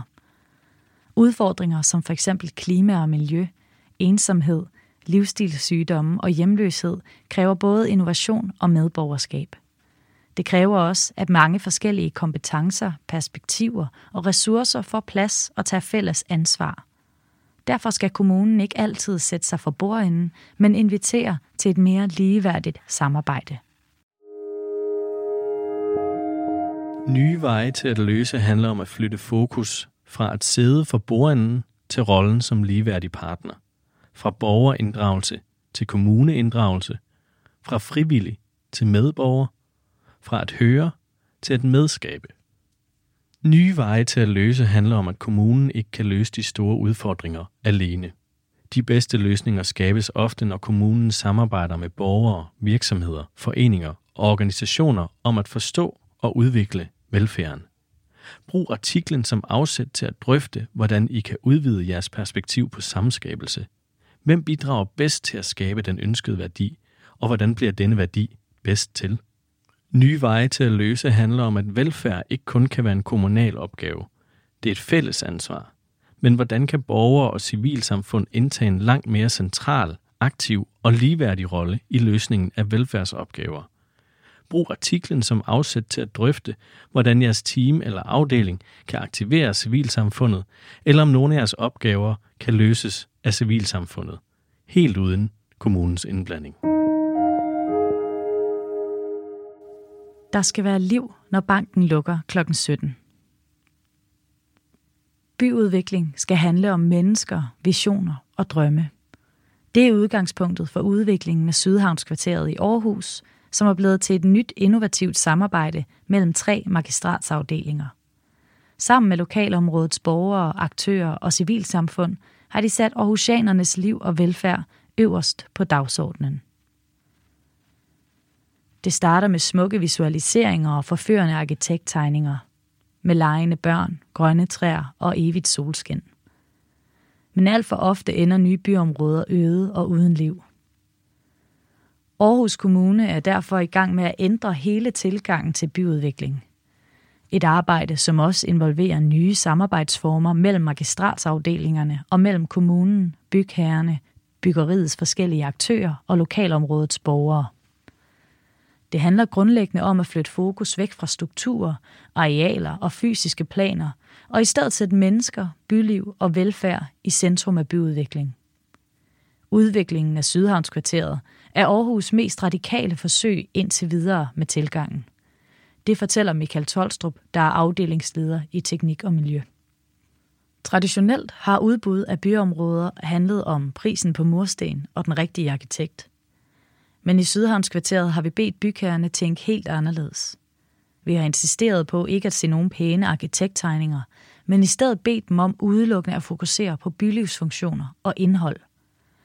Hvad er det for et liv, de vil understøtte i området? Hvordan vil de løse nogle velfærdspolitiske opgaver, for eksempel i forhold til socialt udsatte borgere eller områdets kreative vækstlag? Det har været den type spørgsmål, som vi har bedt dem svare på. Fra veje og facader til visioner og drømme. Byrådet i Aarhus ønsker med Sydhavnskvarteret at skabe en helt særlig bydel med plads til kunst, kulturproduktion, erhverv, tusindvis af nye arbejdspladser, social mangfoldighed og byliv døgnet rundt. Med andre ord er der store velfærdspolitiske ønsker til områdets udvikling, og derfor er byudviklingen også sket i et nyt og innovativt samarbejde mellem de tre magistratsafdelinger, teknik og miljø, sociale forhold og beskæftigelse og kultur og borgerservice. Attraktive bydele er steder, hvor man ikke bare bor, men lever. Udbuddet på Sydhavnen har været nytænkende på den måde, at for at vinde retten til at lave en plan for området og opføre bygninger på området, skulle man indtænke de socialt udsatte, bevægelse og sundhed samt kunst og kultur fra starten af. De bud, der stod stærkest, var derfor dem, som i samarbejdet med relevante eksterne aktører kom med de bedste bud på en bydel, der hænger sammen både økonomisk og menneskeligt, siger rådmand for kultur- og borgerservice Rabi Assad Ahmad.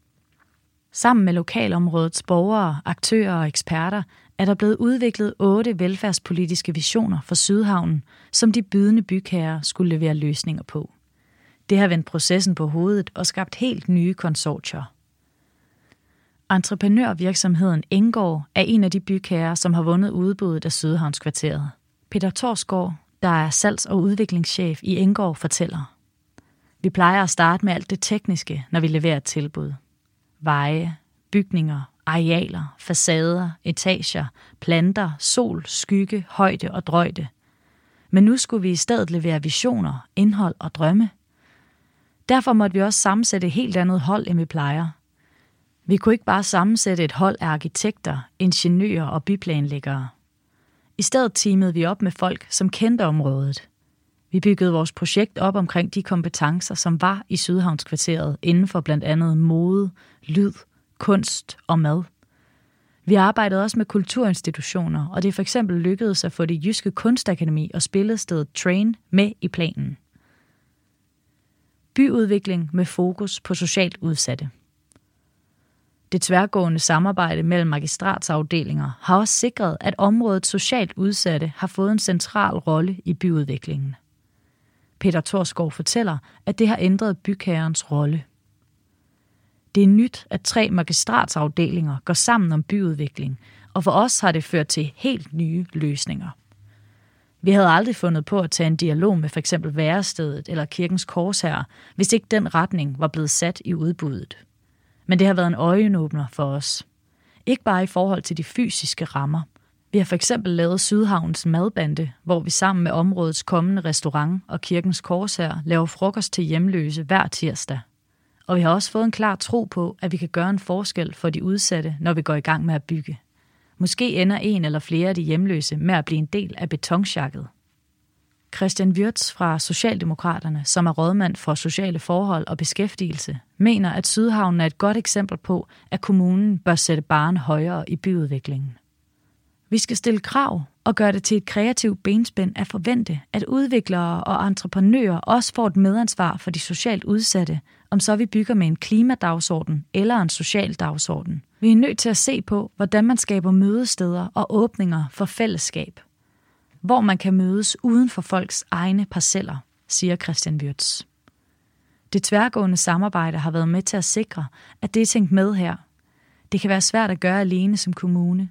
Nogle gange er det smart at lægge det i hænderne på entreprenørerne, der kan finde de rigtige samarbejdspartnere. Benjamin Simsek fra Venstre, der er rådmand for teknik og miljø, er enig. Det er det tværgående samarbejde, som har sikret, at debatten har handlet om livskvalitet i bydelen, og hvordan vi kunne skabe plads til blandt andre socialt udsatte. Der skal være liv, når banken lukker. Lokalområdets aktører er inviteret aktivt ind i udviklingen af Sydhavnskvarteret. Og ofte er det aktørerne, som har inddraget kommunen, og ikke omvendt. En af de lokale kræfter er Martin Tim, der sammen med vennen Daniel Walsh har stiftet Kulbroens Venner. Kulbroen er en 160 meter lang udtjent bro mellem Sydhavnen og bymidten, som tidligere blev brugt til at transportere kul. I dag har Kulbroen takket være Martin og andre lokales arbejde fået en helt central plads i byudviklingen af Sydhavnen. Martin Tim fortæller, at kommunen har været god til at give plads til de lokale aktører i området. Vi har gennem flere år testet forskellige ting af en til en, for at se, om det kunne give noget til kvarteret. Vores tilgang har siden starten været, at alt vi lavede skulle pege hen imod en mulig fremtid. Vi har testet alt fra hjemløse fodbold til grønne vægge, madmarkeder og udstillinger. Mange af tingene bliver til en permanent del af Sydhavnskvarteret. Der har kommunen været lydhør. For Martin Tim er det afgørende, at kommunen tager de lokale kræfter med ombord gennem hele processen. Det er ikke nok, at man hører de lokale en weekend. For så går man glip af et enormt potentiale. Vi ser noget andet end en bygherre og en kommune.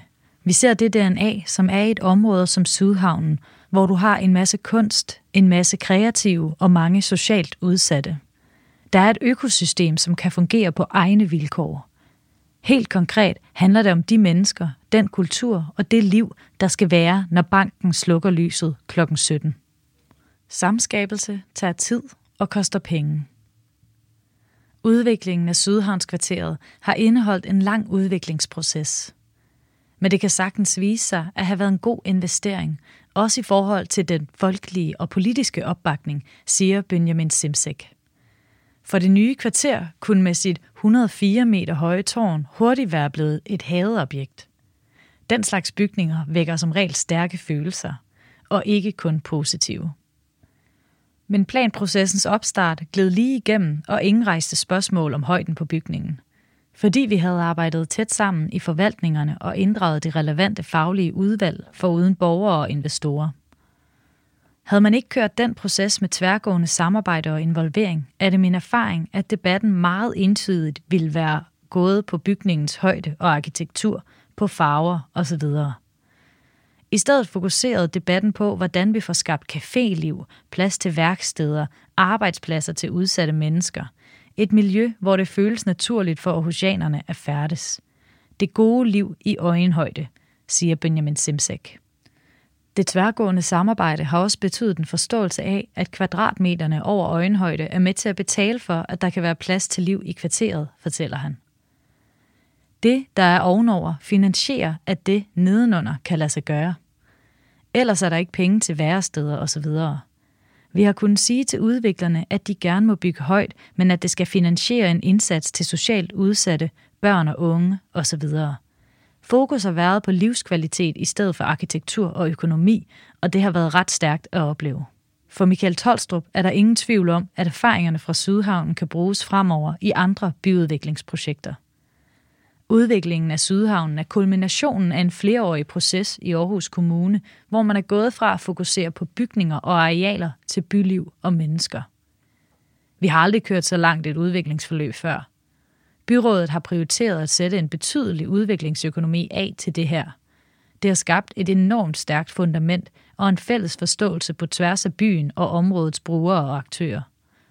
Vi kan selvfølgelig ikke altid køre så tung og dyr en proces, men den her måde at tænke i involvering af civilsamfund og virksomheder og samarbejde på tværs af magistratsafdelingerne, kan man sagtens udbrede til andre områder i kommunen, siger han. Her skaber mennesker værdi for hinanden. Alle mennesker har værdi. Det er udgangspunktet for sundhedsindsatsen, værdibørsen, hvor borgere på flexjob eller førtidspension kan mødes om forskellige aktiviteter og interesser og bidrage med deres værdier, kvaliteter, interesser og ressourcer i mødet med andre.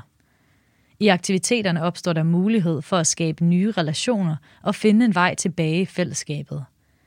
Det frivillige fællesskab på borgernes præmisser har krævet en ny rolle af Aarhus Kommune. Det virker hjemligt og rart, når man træder ind i værdibørsen – i et hjørne bliver der strikket på livet løs. I et andet er det kortspillet, der er gang i. Der er lys og luft og grønt udenfor, og på gode dage er det ikke sjældent at se aktiviteterne rykke udendørs, hvad enten det handler om at diskutere bøger, spille musik, dyrke qigong eller bare tale om stort og småt. Værdibørsen er egentlig et sundhedstilbud, men stemningen er langt fra klinisk. Det handler ikke om sygdom, men om at have noget til fælles. At bidrage med sine egne værdier sine interesser, sit netværk, sine erfaringer og få det samme igen fra de andre, som kommer i værdibørsen. Og at finde trygheden i at vide, at de andre ved, hvor man kommer fra. Alle de mennesker, som er en del af værdibørsen, har førtidspension eller er på flexjob. Stine Christensen, der er programstyrer og facilitator i Værdibørsen, fortæller, hvordan mange af brugerne i overvis, direkte og indirekte, har fået at vide af systemet, at de ikke kan bruges til noget. Sådan er det ikke i værdibørsen. Her bidrager de med noget vigtigt. Pludselig får deres liv værdi igen, siger Stine Christensen. Værdibørsen er et kommunalt tilbud, men frivillige bidrager i høj grad til driften. Kommunen har indtaget en rolle som facilitator i en erkendelse af, at de frivillige kan skabe en ligeværdighed og være i øjenhøjde med brugerne på en måde, som en kommunalt ansat har sværere ved. Det er jo ikke fordi kommunen eller systemet eller det andet, som borgerne kender, har ændret sig. Men værdibørsen er ikke et traditionelt kommunalt tilbud. Borgerne er selv en lige så stor del af det og skal selv bidrage. Vi har stadig de klassiske indsatser i forhold til at visitere borgere med ondt i ryggen til forskellige tilbud. Men vi ser mere og mere, at borgere byder ind med mere i forhold til kost og bevægelse og selv tager initiativer – fra bruger til job og uddannelse. Det bemærkelsesværdige, og med Stine Christensens ord storslåede ved værdibørsen, er den udvikling, borgerne går igennem, når de begynder at komme i værdibørsen. Mange er først brugere, siden bliver de frivillige på stedet, og nogle kommer i job igen, opmuntret og med nyt selvværd af de nye fællesskaber, hvor de har oplevet, at de har en værdi. En af dem er Marianne, som er førtidspensionist med en kraftdiagnose. Hun begyndte i værdibørsen i 2016 på stedets yogahold. Da instruktøren, som på det tidspunkt var mere end 85 år, valgte at gå på pension, spurgte han Marianne, om hun ikke ville overtage holdet. Hun tøvede, men ansatte opmuntrede hende til at tage skridtet og lovede at støtte hende undervejs. Det gik over al forventning, og i slutningen af 2017 besluttede hun at tage en egentlig uddannelse som yogainstruktør. Et sigende eksempel er det, at hun samtidig gik fra at underskrive mails med Kærlig Hilsen Marianne til nu at skrive Kærlig Hilsen Marianne, yogaunderviser, i sin mailsignatur, siger Stine Christensen. og i sæsonen 2019-2020 blev hun hyret af FO Frivillig Oplysningsforbund i Aarhus til at være timelønnet yogaunderviser i Værdibørsen Plus i trygge rammer, hun kendte i forvejen. For første gang i overvis havde hun et job og var til en julefrokost på arbejdspladsen. Frivillige forbilleder er hjertet i forandringerne. De frivillige spiller en altafgørende rolle i at støtte den udvikling, som mange borgere gennemgår i værdibørsen. De frivillige kan være det forbillede, som vi som kommune ikke kan være, fortæller Stine Christensen, og uddyber, at instruktøren, der så et lys i Marianne, blev ved med at skubbe til hende og motivere hende på en måde, som kommunen ikke ville kunne gøre. De frivillige og borgerne er inspirationskilder for hinanden. Det er det, der sker, når man sætter mennesker sammen i interessefællesskab, siger Stine Christensen. I det hele taget handler værdibørsen om, at kommunen sætter rammerne, men at det er de frivillige, der sammen med borgerne skaber værdien. Værdibørsen er ikke vores, det er de frivilliges. Værdibørsen er det, de frivillige putter ind i den, fortæller Stine Christensen. Hun lægger vægt på, at der er regler, love og helt generelle rammer, som hun som kommune har ansvaret for at introducere for de frivillige. Men at der er fuld tillid til dem. Jeg hjælper med alt det praktiske, såsom stole, kaffe, lokaler, men alt indhold og relationer, det står de frivillige selv for. Og det stoler vi på, at de gør rigtig fint. Og det gør de så. Et alternativ til kontrol. Det kræver til gengæld, at kommunen er klar til at slippe kontrollen. En kommune er både service til borgerne og myndighed, og det kan give nogle dilemmaer, her skal kommunen gøre sig klart, at der er fordele og ulemper, siger Stine Christensen. Jeg laver ikke nogen registrering af borgerne. Jeg kender ikke deres personnummer, og jeg ved ikke, hvad de fejler. Til gengæld får borgerne fornemmelsen af, at de træder ind i et frirum, uden en kommune, der indsatser på dem. Man går selvfølgelig på kompromis med noget kontrol, men det, man vinder, er større. Jeg vil hellere have, at borgerne kommer, end jeg behøver at vide, hvem de er, for jeg kan se, at de, der kommer, får det bedre. Stine Christensen understreger, at det skal være frivilligt og meningsfuldt for borgerne at komme i værdibørsen. Det samme gælder for de frivillige. Det er det ikke, hvis man pludselig skal registrere fremmøde eller andre myndighedsopgaver. Motivationsfaktorerne for de frivillige handler i højere grad om deltagelse i fællesskabet, indhold i livet og det at føle, at man kan bruges til noget. En ny rolle for kommunen. Traditionelt, når kommuner arbejder med frivillige, har kommunen en opgave, der skal løses. Så kan de frivillige byde ind. Det kan være besøgsven eller receptionist. Aarhus Kommune er de senere år begyndt at tænke frivilligheden anderledes, siger Stine Christensen. Sundheds- og omsorgsforvaltningen arbejder blandt andet med ledetråden Alt magt til borgeren. Ledetråden udgør en af fem ledetråde i den overordnede strategi for sundhed og omsorg. Det betyder i praksis, at man vender den traditionelle måde at tænke frivillighed på, på hovedet. Det handler om, at vi ikke på forhånd definerer, hvad opgaven er, men spørger den frivillige. Hvad vil du gerne? Hvad har du brug for, at vi gør for dig, så du kan lykkes med det, du gerne vil? Og så sætter kommunen rammen for opgaven og faciliterer dette samarbejde, siger Stine Christensen. Jeg har oplevet, hvordan vi i kommunen kan komme til at tale om de frivillige som nogen, der skal træde ind og løse en opgave, som kommunen ikke selv kan løse. Min erfaring er, at de frivillige skal inddrages i produktion og udvikling af velfærd på de områder, hvor de er gode. Det er for eksempel, når det handler om at gå forrest og skabe fællesskaber og inspirere hinanden til aktiviteter, sprede livsglæde og motivation til livet. Den måde at takle det på, er der opbakning til politisk understreget Jette Skive fra Dansk Folkeparti, der er rådmand for sundhed og omsorg. Vi skal lade det vokse nedefra. Begynder vi først at sætte for snævre rammer, kommer de ikke, siger hun, og tilføjer, at forventningsafstemningen skal være på plads. Den enkelte borger ved godt, hvor langt vi kan gå. Vi skal være der, give plads og lytte, og de frivillige skal vide, at værdibørsen er på de frivilliges præmisser. Værktøjet. Read. Hov, hvorfor ser Ib sådan ud nu? Han er bange. Hvorfor er han bange, tror du? Hunden Ib sover i telt, men uden for teltet er der en skygge, som heldigvis bare viser sig at være en venlig gris. Og så bliver den også inviteret med ind i teltet. Fortællingen om Ib er en af bøgerne for de allermindste, som indgår i det ambitiøse Aarhus-projekt READ, sammen om læsning, der viser forældre, hvordan de systematisk og med samtaler kan styrke børnenes sprog. Reed gør forældrene til skolens vigtigste partnere, når det gælder om at styrke børns sproglige udvikling. Forskning i både Danmark og udlandet har vist, at børn, som får læst bøger højt, har et langt større ordforråd, når de begynder i skolen. Men forskningen viser også, at det ikke så meget er de historier, der bliver læst højt, men samtalerne om dem, der styrker sproget. Når forældrene og barnet kan tale sammen om, hvad der sker på billederne eller i teksten, lærer barnet efterhånden at sætte sproget i relation til sit eget liv, tanker og følelser, og på den måde at forstå og udtrykke sig selv og verden gennem sproget. Eller for at vende tilbage til historien om Ib.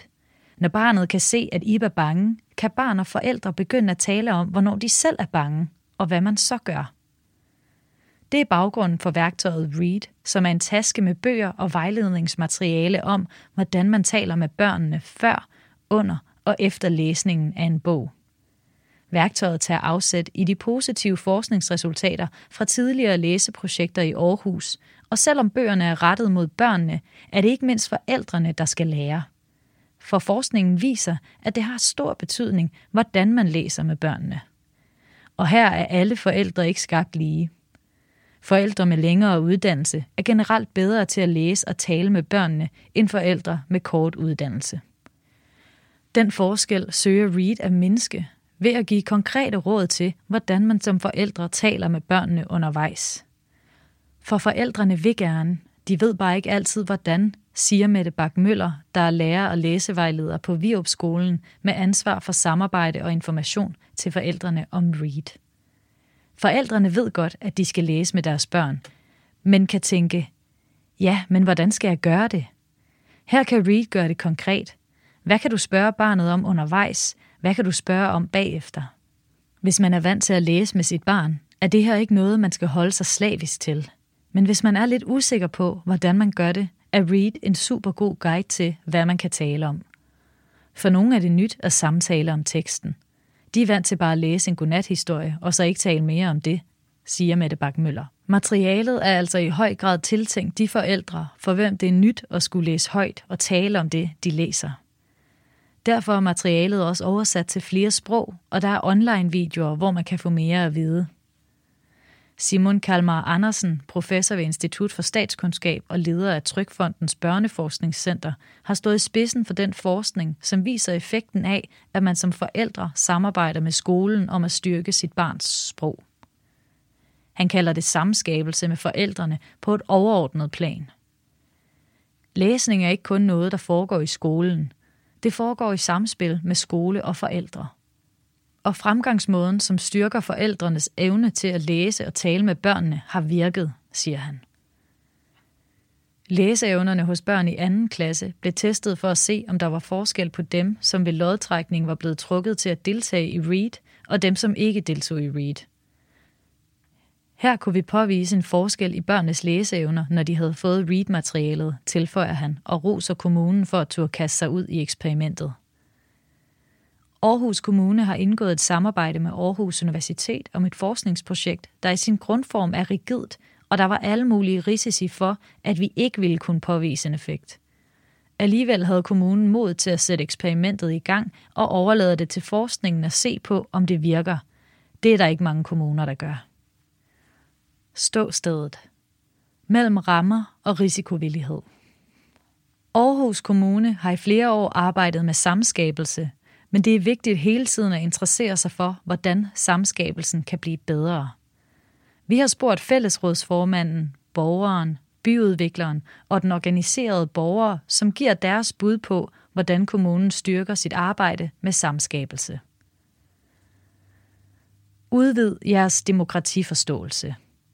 Jeppe Spure, formand for Frederiksbjerg og Langenæs Fællesråd, borgeraktivist i sager, der samler og ejer af Spure Organisationsudvikling.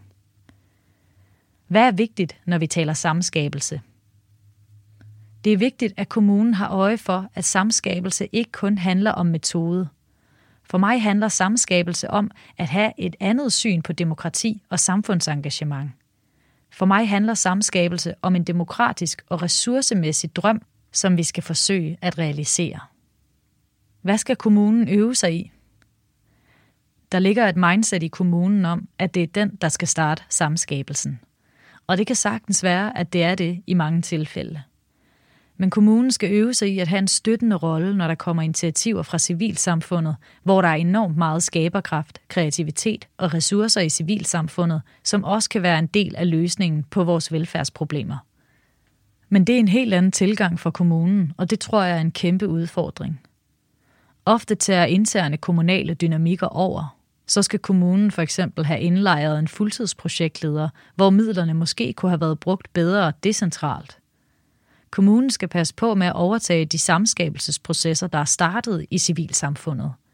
Kommunen skal øve sig i at tøve, lyse på det, der sker derude, og ikke komme til at tage over. Hvad er barriererne for samskabelse?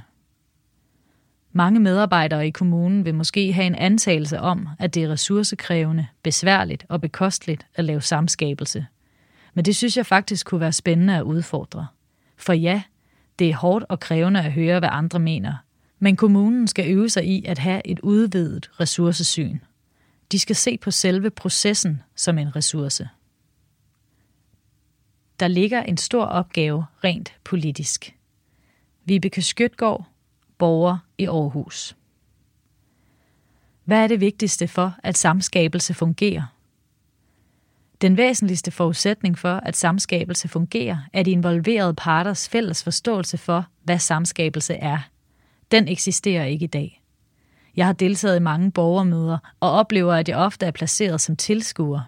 Måske kan jeg få lov at stille spørgsmål, men jeg er stadigvæk i en rolle, hvor jeg skal agere tilskuer og lytte til, hvad kommunen fortæller om et givet projekt. Samskabelse, set med borgerens øjne, må handle om, at man har indflydelse. Forventningen er, at det, jeg siger, har og får betydning. Hvad er vigtigt, når vi taler samskabelse? Ligeværdighed. Kommunen skal være god til at forklare, hvis noget ikke er muligt, og hvorfor. Borgerne bliver ofte skudt i skoene, at de tror, at medindflydelse betyder at få ret. Man bør kreditere borgerne med lidt mere forståelse. De ved godt, at man ikke altid kan få ret. Men hvis man engagerer sig, bidrager, bliver inddraget, og det så ikke kan omsættes konkret, så fordrer det en ordentlig og savlig forklaring på, hvorfor. Ellers er der ikke ligeværdighed i samskabelsen. Hvad skal Aarhus Kommune gøre? Politikerne skal overveje, om man kan leve med at frigive noget beslutningskraft. Om de vil give plads til, at samskabelse reelt betyder, at vores maven for beslutninger ændres. Reel samskabelse mindsker muligheden for det efterfølgende politiske fingeraftryk. Politikerne er notorisk fraværende i samskabelse med borgerne. Men samskabelse med borgerne betyder vel også, at de borgervalgte deltager i processen. Det politiske fingeraftryk skal sættes som en del af samskabelsesprocessen. Vi skal tale samme sprog som borgerne. Randi Nørgaard, arkitekt, planafdelingen i teknik og miljø. Hvad skal Aarhus Kommune være bedre til, når den laver samskabelse? Vi skal være bedre til at forklare borgerne, hvad er muligt og hvad er ikke muligt. Nogle ting kan bare ikke lade sig gøre. Her er det meget vigtigt, at vi ikke kommer til at køre for langt ud af et spor med borgerne, som ikke kan føre nogen steder hen. Vi involverede for eksempel borgere i udviklingen af helhedsplanen for øgaderne, uden at have tegnet en eneste streg på papiret. Det kræver en tydelig rammesætning for, hvad der kan lade sig gøre. Borgerne havde et stort fokus på trafikale forhold og havde blandt andet et ønske om parkeringspladser under gaderne. Men her blev det en meget central del af rammesætningen, at der ikke var økonomi til at lave parkering under gaderne. Vi skal også gøre det tydeligere, at vi arbejder i et politisk system. I sidste ende er det politikerne, der indstiller sagen og tager de endelige beslutninger. Hvad er udfordringerne ved samskabelse? Som medarbejdere kan vi komme til at bruge for meget kommunesprog. Det er ikke alle, der ved, hvad en kommuneplanramme er, eller hvad det betyder, at et område for eksempel er udpeget til byudvikling. Så man skal sikre sig, at man har en fælles ramme og et fælles sprog, når man laver samskabelse. Mindst lige så vigtigt er det at finde en måde at integrere borgernes input i myndighedsdokumenterne, hvilket kan være udfordrende. Vi må og kan ikke bare skrive alt ind, der kommer fra borgerne, da vi arbejder ud fra planloven, og der er regler for, hvad dokumenterne må indeholde. Paul Natorp, medstifter af Sager, der samler. Hvad er de største udfordringer for samskabelse? Der er en brist i samskabelsesbevægelsen. Kommunen er ikke i tilstrækkelig grad udstyret til at tage imod de bolde, der bliver spillet op fra borgernes side. Det bliver ofte alt for besværligt for borgerne og civilsamfundet. Borgerne møder op med risikovillig kapital i kraft af deres egen tid, evner og organiseringskraft, men møder ikke samme risikovillighed fra kommunen.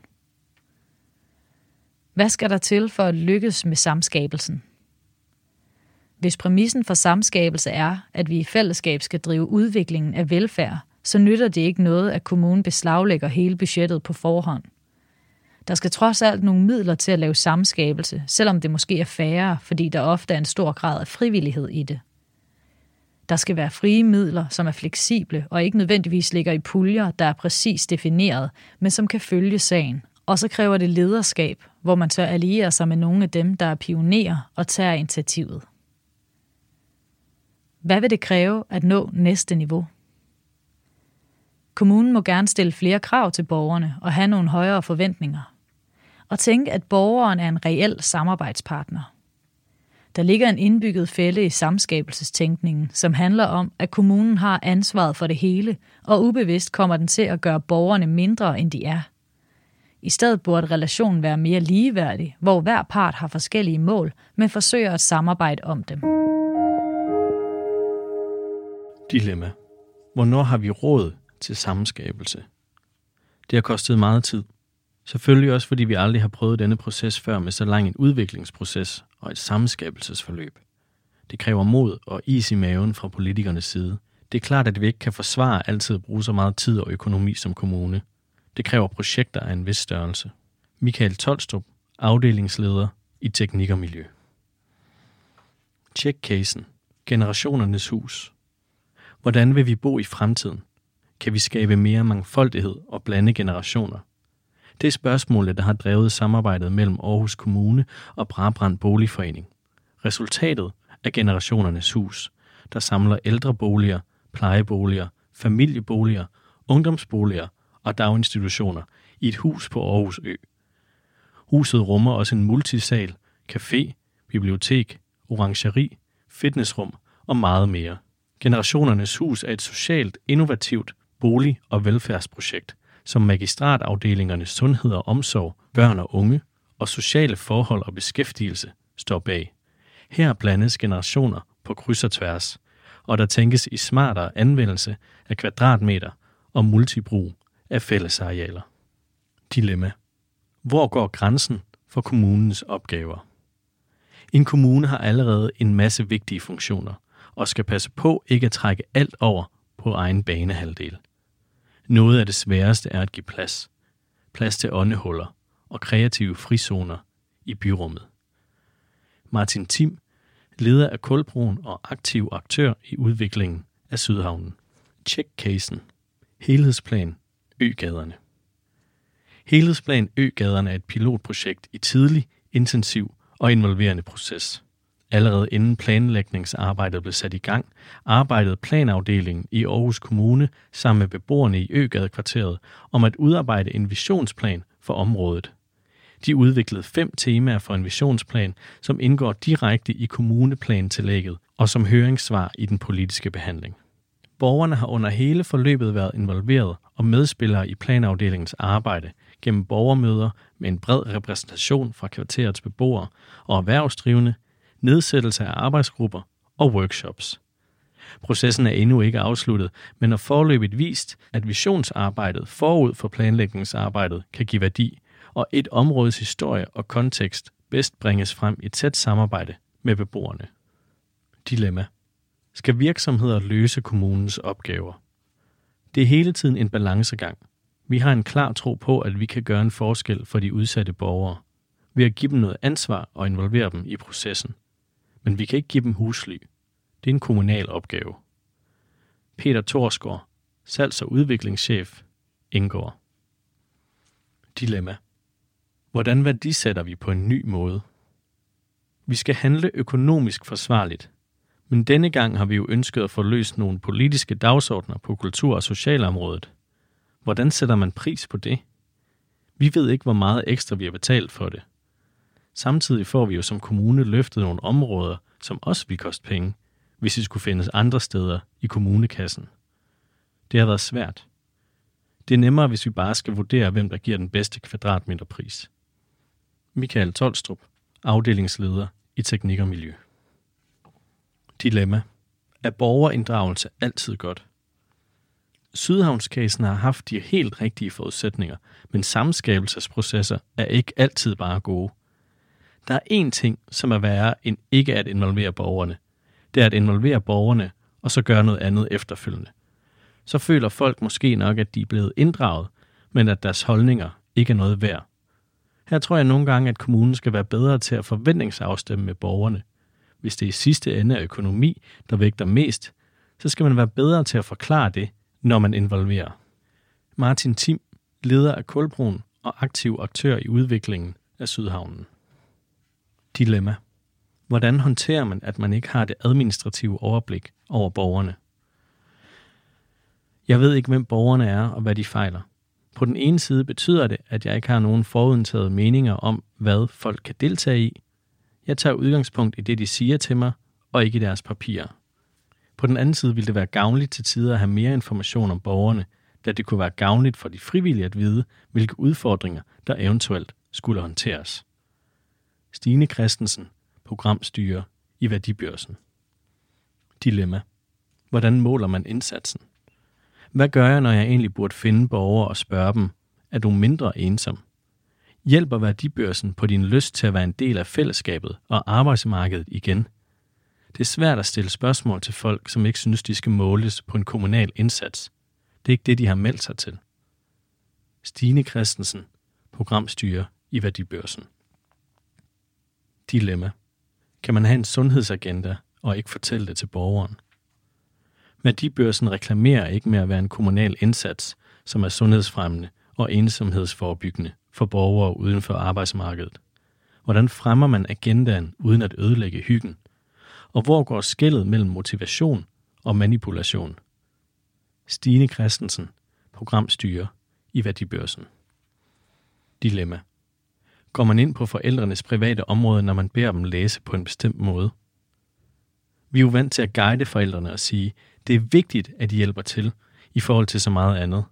For eksempel har vi altid sagt, at det er vigtigt, at børnene møder friske op og har madpakke med. Det er jo ikke noget, man skal holde sig slavisk til, men det er en hjælp i forhold til samarbejdet med skolen om børnenes læsning. Man har en fælles idé om, hvad der skal ske. Mette Bakken Møller, lærer og læsevejleder.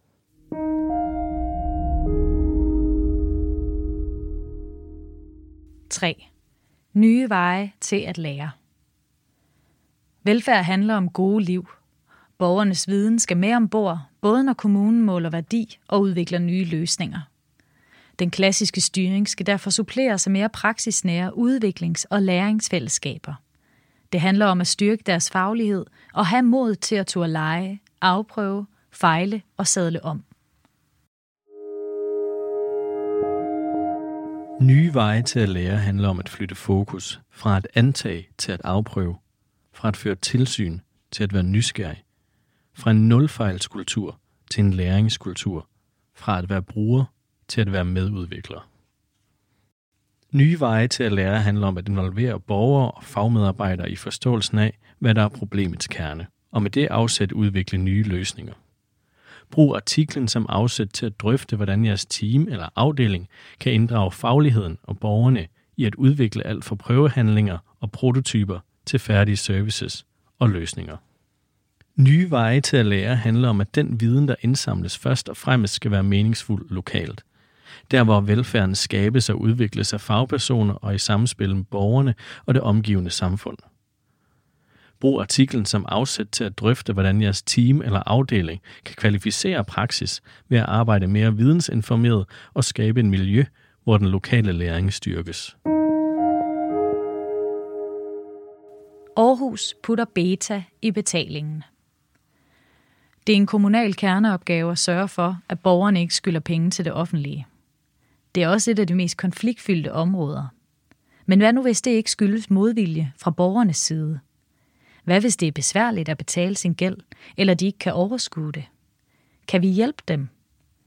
Borgerservice valgte at vende hele tilgangen til betaling på hovedet og gjorde borgerne til medspillere. Resultatet er en kultur, der konstant er i beta. Tilgangen er, jamen lad os da prøve. Når borgerne i Aarhus Kommune har gæld til kommunen, kan de følge med i betalingerne og selv oprette afdragsaftaler på Mit Betalingsoverblik, der fungerer som en netbank. Det gælder alle former for betalinger, uanset hvilken magistratsafdeling de har gæld til. Borgerne kan også betale med MobilePay, og de kan blive ringet op af en af kommunens medarbejdere, som vil høre, hvordan han eller hun kan hjælpe, så gælden kan komme ud af verden. Opkrævningen er gået fra at være et sted, hvor regninger bare sendes ud som på samlebånd, til et sted, hvor medarbejdere fra kommunen hjælper borgerne med at betale og komme af med deres gæld så let og gnidningsløst og hensynsfuldt som muligt. Formålet er det samme. At undgå gæld til det offentlige og få penge i kassen til den kommunale velfærdsopgave. Men tankegangen og kulturen bag har ændret sig radikalt på få år. Opkrævning har fået et nyt mindset, eller på mere jævnt dansk. Medarbejderne i opkrævningen har vendet sig til at tænke på en ny måde, som tager udgangspunkt i borgeren og ikke i gælden. Behov for at tænke smart. Baggrunden for den nye måde at gøre tingene på var alvorlig nok. I november 2019 var borgernes gæld til Aarhus Kommune vokset til 386 millioner kroner, og den voksede stadig. Et voldsomt beløb, som skabte frustration men som Aarhus havde til fælles med andre kommuner og det offentlige i det hele taget. For at få et spot til skade var det IT-system, EFI, som skulle inddrive gælden efterfølgende i staten, brudt sammen. Det blev begyndelsen til en ny måde at tænke betaling og gældsopkrævning på i kommunen, hvor borgerservice som opkrævning hører under, gik nye veje. Borgerservice gik blandt andet til Center for Innovation i Aarhus Kommune for at se, hvordan udviklingen kunne vendes. På forhånd stod det klart, at ændringer skulle give mening for både kommunen, der skulle penge i kassen, for de ansatte og for borgerne. Det sidste var vigtigt. Der var en forståelse af, at kommunen på en eller anden måde måtte gøre mere for at trænge igennem, og at det nok ikke handlede om ond vilje fra borgernes side. Det betød, at det var nødvendigt at forstå og involvere borgerne. Og det blev begyndelsen til en proces og en kulturændring, som har ændret opkrævningens indfaldsvinkel på en række måder – Smartere opkrævning kalder borgerservice det. Kend din medspiller. Lene Harti Danielsen, der er chef for borgerservice, siger, at en stor del af indsatsen handler om at kende borgerne og gøre dem til medspillere. At forstå, at borgerne er forskellige, og at de derfor også har behov for forskellige indsatser. Indtil for få år siden brugte vi et debitorsystem, Sat lidt på spidsen var det et system, der var kodet til på bestemte datoer at spytte standardskrivelser ud i rudekuverter eller digital post. Det er, kan vi se, ikke ubetinget en god oplevelse. Der er ikke særlig tæt kontakt til borgerne ved bare at sende systemskrivelser i hovedet på dem, og det er ikke effektivt i forhold til at få penge i kommunekassen. Det er et systembrev, som ikke har været berørt af mennesker. Jeg tror ikke altid, at det er den rigtige vej at gå – Derfor er noget af det, vi tester nu, hvordan vi kan komme i kontakt med borgerne, også på de områder, der måske er trælse, siger Lene Harti Danielsen. Kontakten med borgerne er nødvendig for at forstå, hvem de er. Gamle, unge, private, virksomheder. Der er forskel på at være stor bygherre, der skylder på byggeaffald, og at skylde penge på boligindskudslån, fordi man ikke har mange penge. Der er også eksempler på mennesker, som skylder penge for at bo på plejehjem, Måske fordi de har glemt at få meldt sig til automatisk betaling. Der er stor forskel i målgruppen og i gældens karakter. Det er vi nødt til at have for øje. Før sendte vi stort set det samme systembrev ud til stort set alle. Men vi er nødt til at spørge os selv, om vi kan gøre det bedre og mere meningsfuldt. Tester og sadler om. En af de største forandringer i forhold til tidligere er, at opkrævning ikke længere planlægger alt. Nu prøver afdelingen det af. Lad os prøve at se, hvad der sker, er blevet et mere almindeligt udgangspunkt. Det kræver også, at man som kommune opgiver nulfejlskulturen, siger Lene Harti Danielsen. Der vil ske fejl. Men meget vil gå godt og give bedre resultater end den gamle måde at gøre det på. Inspirationen kommer fra designverdenen. Her prøver man ting af sammen med brugerne, før de er færdige, for at se, hvordan de virker og hvordan de kan blive bedre. Undervejs benyttede opkrævning sig af antropologer og servicedesignere fra borgerservice for at finde ud af, hvorfor nogle borgere betaler og andre ikke. Hvad virker? Hvad er barrieren? Det var også sådan ideen til et samlet betalingsoverblik opstod, så borgerne ikke skal kigge mange forskellige steder for at vide, hvad de samlede skylder til kommunen. MobilePay har også gjort det lettere at betale.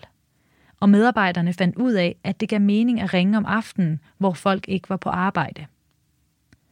Der er mange små eksperimenter, der bygger oven på hinanden. Et eksempel. Før i tiden, når vi sendte regninger ud, stod der et eller andet frygteligt langt på vores URL, internetadressen. Nu, der står betal nu. Det er en lille bitte sproglig ændring, men den kan have stor effekt. Vores opgave er jo at gøre det nemt at betale. Det er borgerservice, siger Lene Harti Danielsen. Kræver modige medarbejdere. Undervejs har det krævet, at medarbejderne har ture at sætte sig selv på spil. Når man prøver ting af, vil ikke alt lykkes fra starten. Hvad er det værste, der kan ske? Det er, at vi bliver til grin. Men selvfølgelig skal der være proportioner i tingene. Vi skal ikke satse mange millioner på et initiativ, som vi er dybt usikre på, om vi får noget ud af. At udvikle og teste ting af i mindre skala sammen med borgerne for at se, om det bærer frugt for alle involveret, er en god ledelsesfilosofi. Det synes jeg faktisk, at borgerne og byen fortjener. IT-forretningsspecialist i opkrævning i borgerservice, Fie Lund Lægaard, er en af de personer, der har været med til at få gang i udviklingsprocessen. Hun har gjort meget ud af at involvere medarbejderne, så forandringerne har givet mening for dem. Derfor er en stor del af nytænkningen sket i tværgående arbejdsgrupper, hvor der har været både sagsbehandlere, forretningsspecialister og ledere. På den måde skaber vi et rum for at slippe de vilde idéer løs. Og så inviterer vi borgerne med ind og tester initiativer, tilføjer hun. Sagsbehandler i opkrævningen, Adnan Imsidovic, fortæller, at arbejdet har givet mange nye erkendelser. Det har vist sig, når vi ringer, at mange ikke anede, at de skyldte penge til kommunen. De fleste bliver vildt overrasket over, at de skylder penge, og de er taknemmelige for, at vi ringer til dem, siger han. Han tilføjer, at det set fra hans side er godt at have fået nye værktøjer og et tættere forhold til borgerne. Mit arbejde er jo også blevet nemmere, fordi det er blevet nemmere for borgerne at betale deres gæld. Vi har fået nogle gode snakke. Der er også borgere, som bliver ret flove over, at de ikke har betalt, og så taler vi med dem om, at hvis det ikke er muligt, så kan vi hjælpe dem med at oprette afdragsordninger, eller vise dem mit betalingsoverblik, hvor de selv kan følge med. Opbakning fra øverste niveau. Den nye indfaldsvinkel kræver noget af medarbejderne, men den kræver også noget af kommunens direktører og af politikerne. Frem for en proces, der er nøje planlagt, får de en mere eksperimenterende tilgang, hvor de skal kunne acceptere, at ikke alt lykkes. Vi lægger ikke en lang, detaljeret og fastlagt strategisk indsats op til politikerne og direktionen, siger Lene Harti Danielsen. I stedet præsenterer vi dem for en langt mere fleksibel proces og en strategisk ramme – for vi vil tillade os selv at blive klogere undervejs. Det er de nye trædesten, vi bruger. Det er det strategiske mindset, vi arbejder med. For vi tager hele tiden udgangspunkt i borgeren, og vi ved ikke altid, hvad det bringer med sig. Det kan blive nødvendigt at sadle om undervejs. Rabi Assad Ahmad fra Radikale Venstre, der er rådmand for kultur og borgerservice, ser gerne endnu flere eksperimenter. Jeg tror, at vi skal blive endnu bedre til at komme ud og lytte til borgerne – vi skal teste ting af med borgerne, så vi bliver skarpe på, om det, vi rent faktisk gør, er det rigtige. Om det virker. Der skal vi have modet til at være lidt mere risikovillige. Når børn og unge bliver et fælles anlæggende. Udfordringen er klar. Der er brug for at styrke børns og unges læring, udvikling og trivsel. Men der kommer ikke tilsvarende flere penge til det, selvom opgaven ser ud til at blive større. Så hvordan gør man det? Børn og unge arbejder i stærkere læringsfællesskaber med at skabe en kulturudviklingsproces blandt alle 14.000 medarbejdere og ledere på skoler, i dagtilbud, fritids- og ungdomstilbud og i forvaltningen. Teamleder Susanne Holst har oplevet, at forældre kalder det augustlotteriet. At ens barn møder op på første skoledag, og forældrene er bekymrede. Er de heldige eller uheldige? Får de den lærer, der kan rumme deres barn og se de kvaliteter, som barnet har, og den måde, som barnet lærer på? Får de en skolegang, hvor alle børn får den bedst mulige hverdag, fordi de voksne samarbejder om praksis og deler praksis med hinanden? Det er basalt set det, som stærkere læringsfællesskaber handler om. At sikre børns og unges trivsel, udvikling og læring. Det er i sig selv ikke noget nyt. Det er selve kernen i dansk lovgivning på dagtilbuds, folkeskole, fritids- og ungdomsområdet. Det er anderledes i Aarhus Kommunes tilgang af måden, det gribes an på, og for Susanne Holst er det vigtigt at slå fast, at det ikke er et projekt. Det er en kulturudviklingsproces, som involverer alle medarbejdere og ledere i børn og unge, det vil sige 48 skoler, 65 dagtilbud, foruden 55 fritids- og ungdomsklubber og forvaltningen. I alt 14.000 medarbejdere og ledere skal vende sig til en ny kultur, hvor de i langt højere grad skal lære af hinanden og styrke hinandens faglighed. Fælles fokus på kerneopgaven. Formålet er at videreudvikle den eksisterende kultur, hvor en masse dygtige lærere og pædagoger dagligt leverer god praksis. Kernen i stærkere læringsfællesskaber er et insisterende fokus på kerneopgaven, siger Susanne Holst. Vores kerneopgave er børnene og de unges læring, udvikling og trivsel. Det er det fokus, man hele tiden skal have. I nogle situationer har jeg som professionel voksen måske planlagt noget bestemt, men hvis jeg har en børnegruppe, der har brug for noget andet, så er det børnegruppens behov, jeg skal følge, siger Susanne Holst. Med stærkere læringsfællesskaber bliver det en fælles opgave for læringsfællesskaberne at styrke den faglige identitet og den professionelle dømmekraft og kompetence. Visionen er, at børn og unge skal udvikle robusthed, livsduelighed og kreativitet.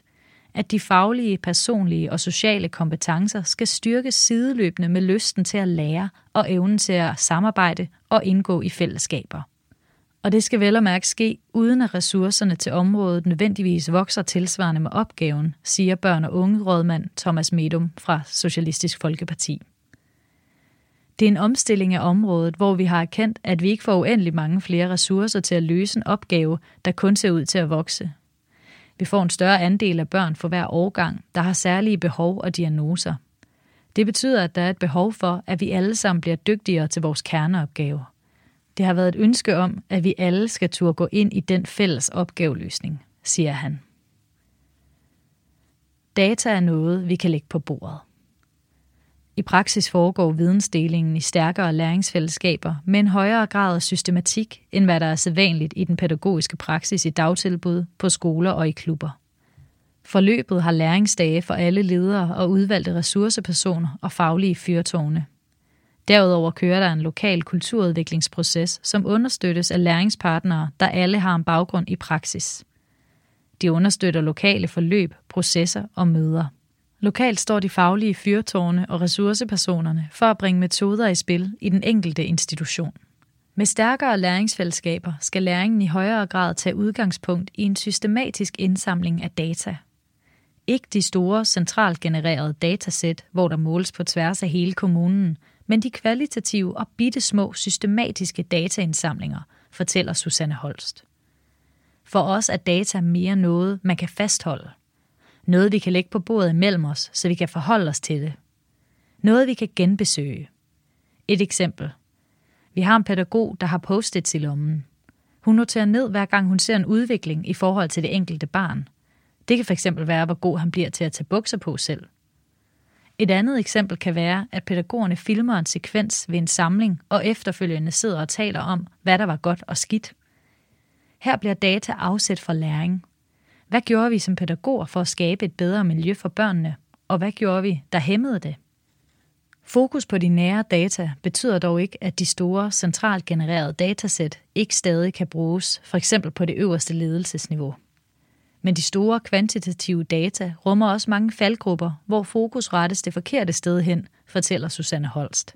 De store datasæt bruger vi også, men det er mest på øverste ledelsesniveau til at blive nysgerrig på noget, som man kan tage en dialog med sine medarbejdere om.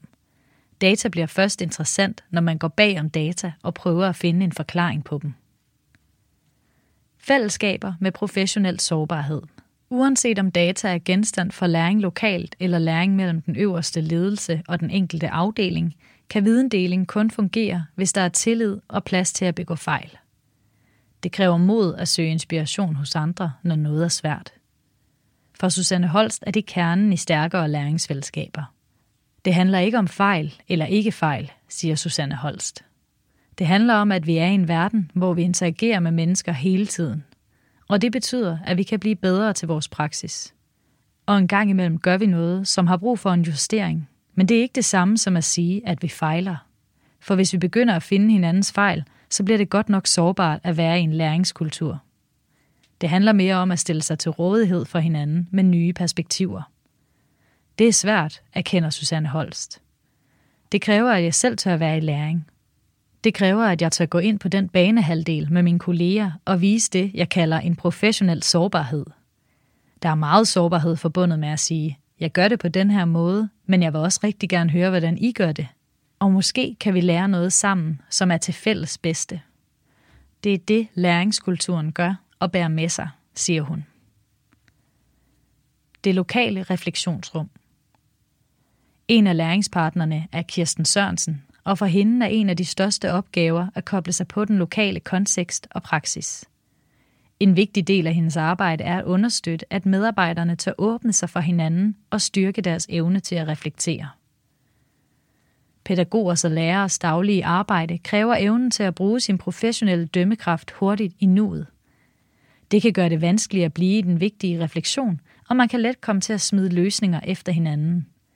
Men det er vigtigt at blive i refleksionsrummet og spørge undrende og reflekterende.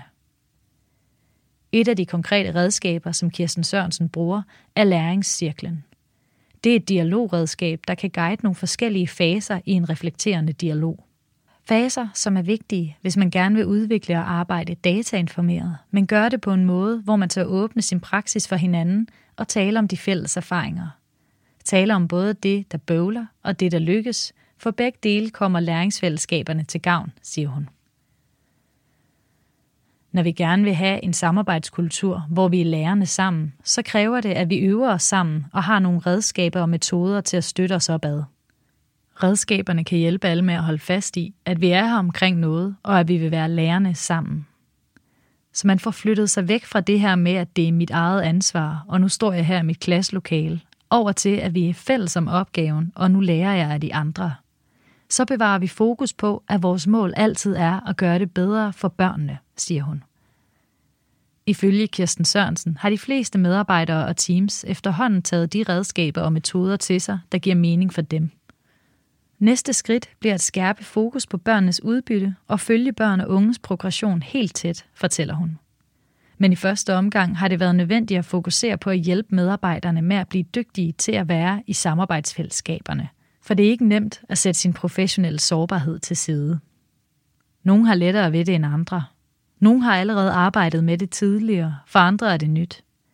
Det er et brud med en nulfejlskultur – men det er let nok at sige, at her hos os har vi en kultur, hvor vi selvfølgelig kan spørge ind til hinandens praksis.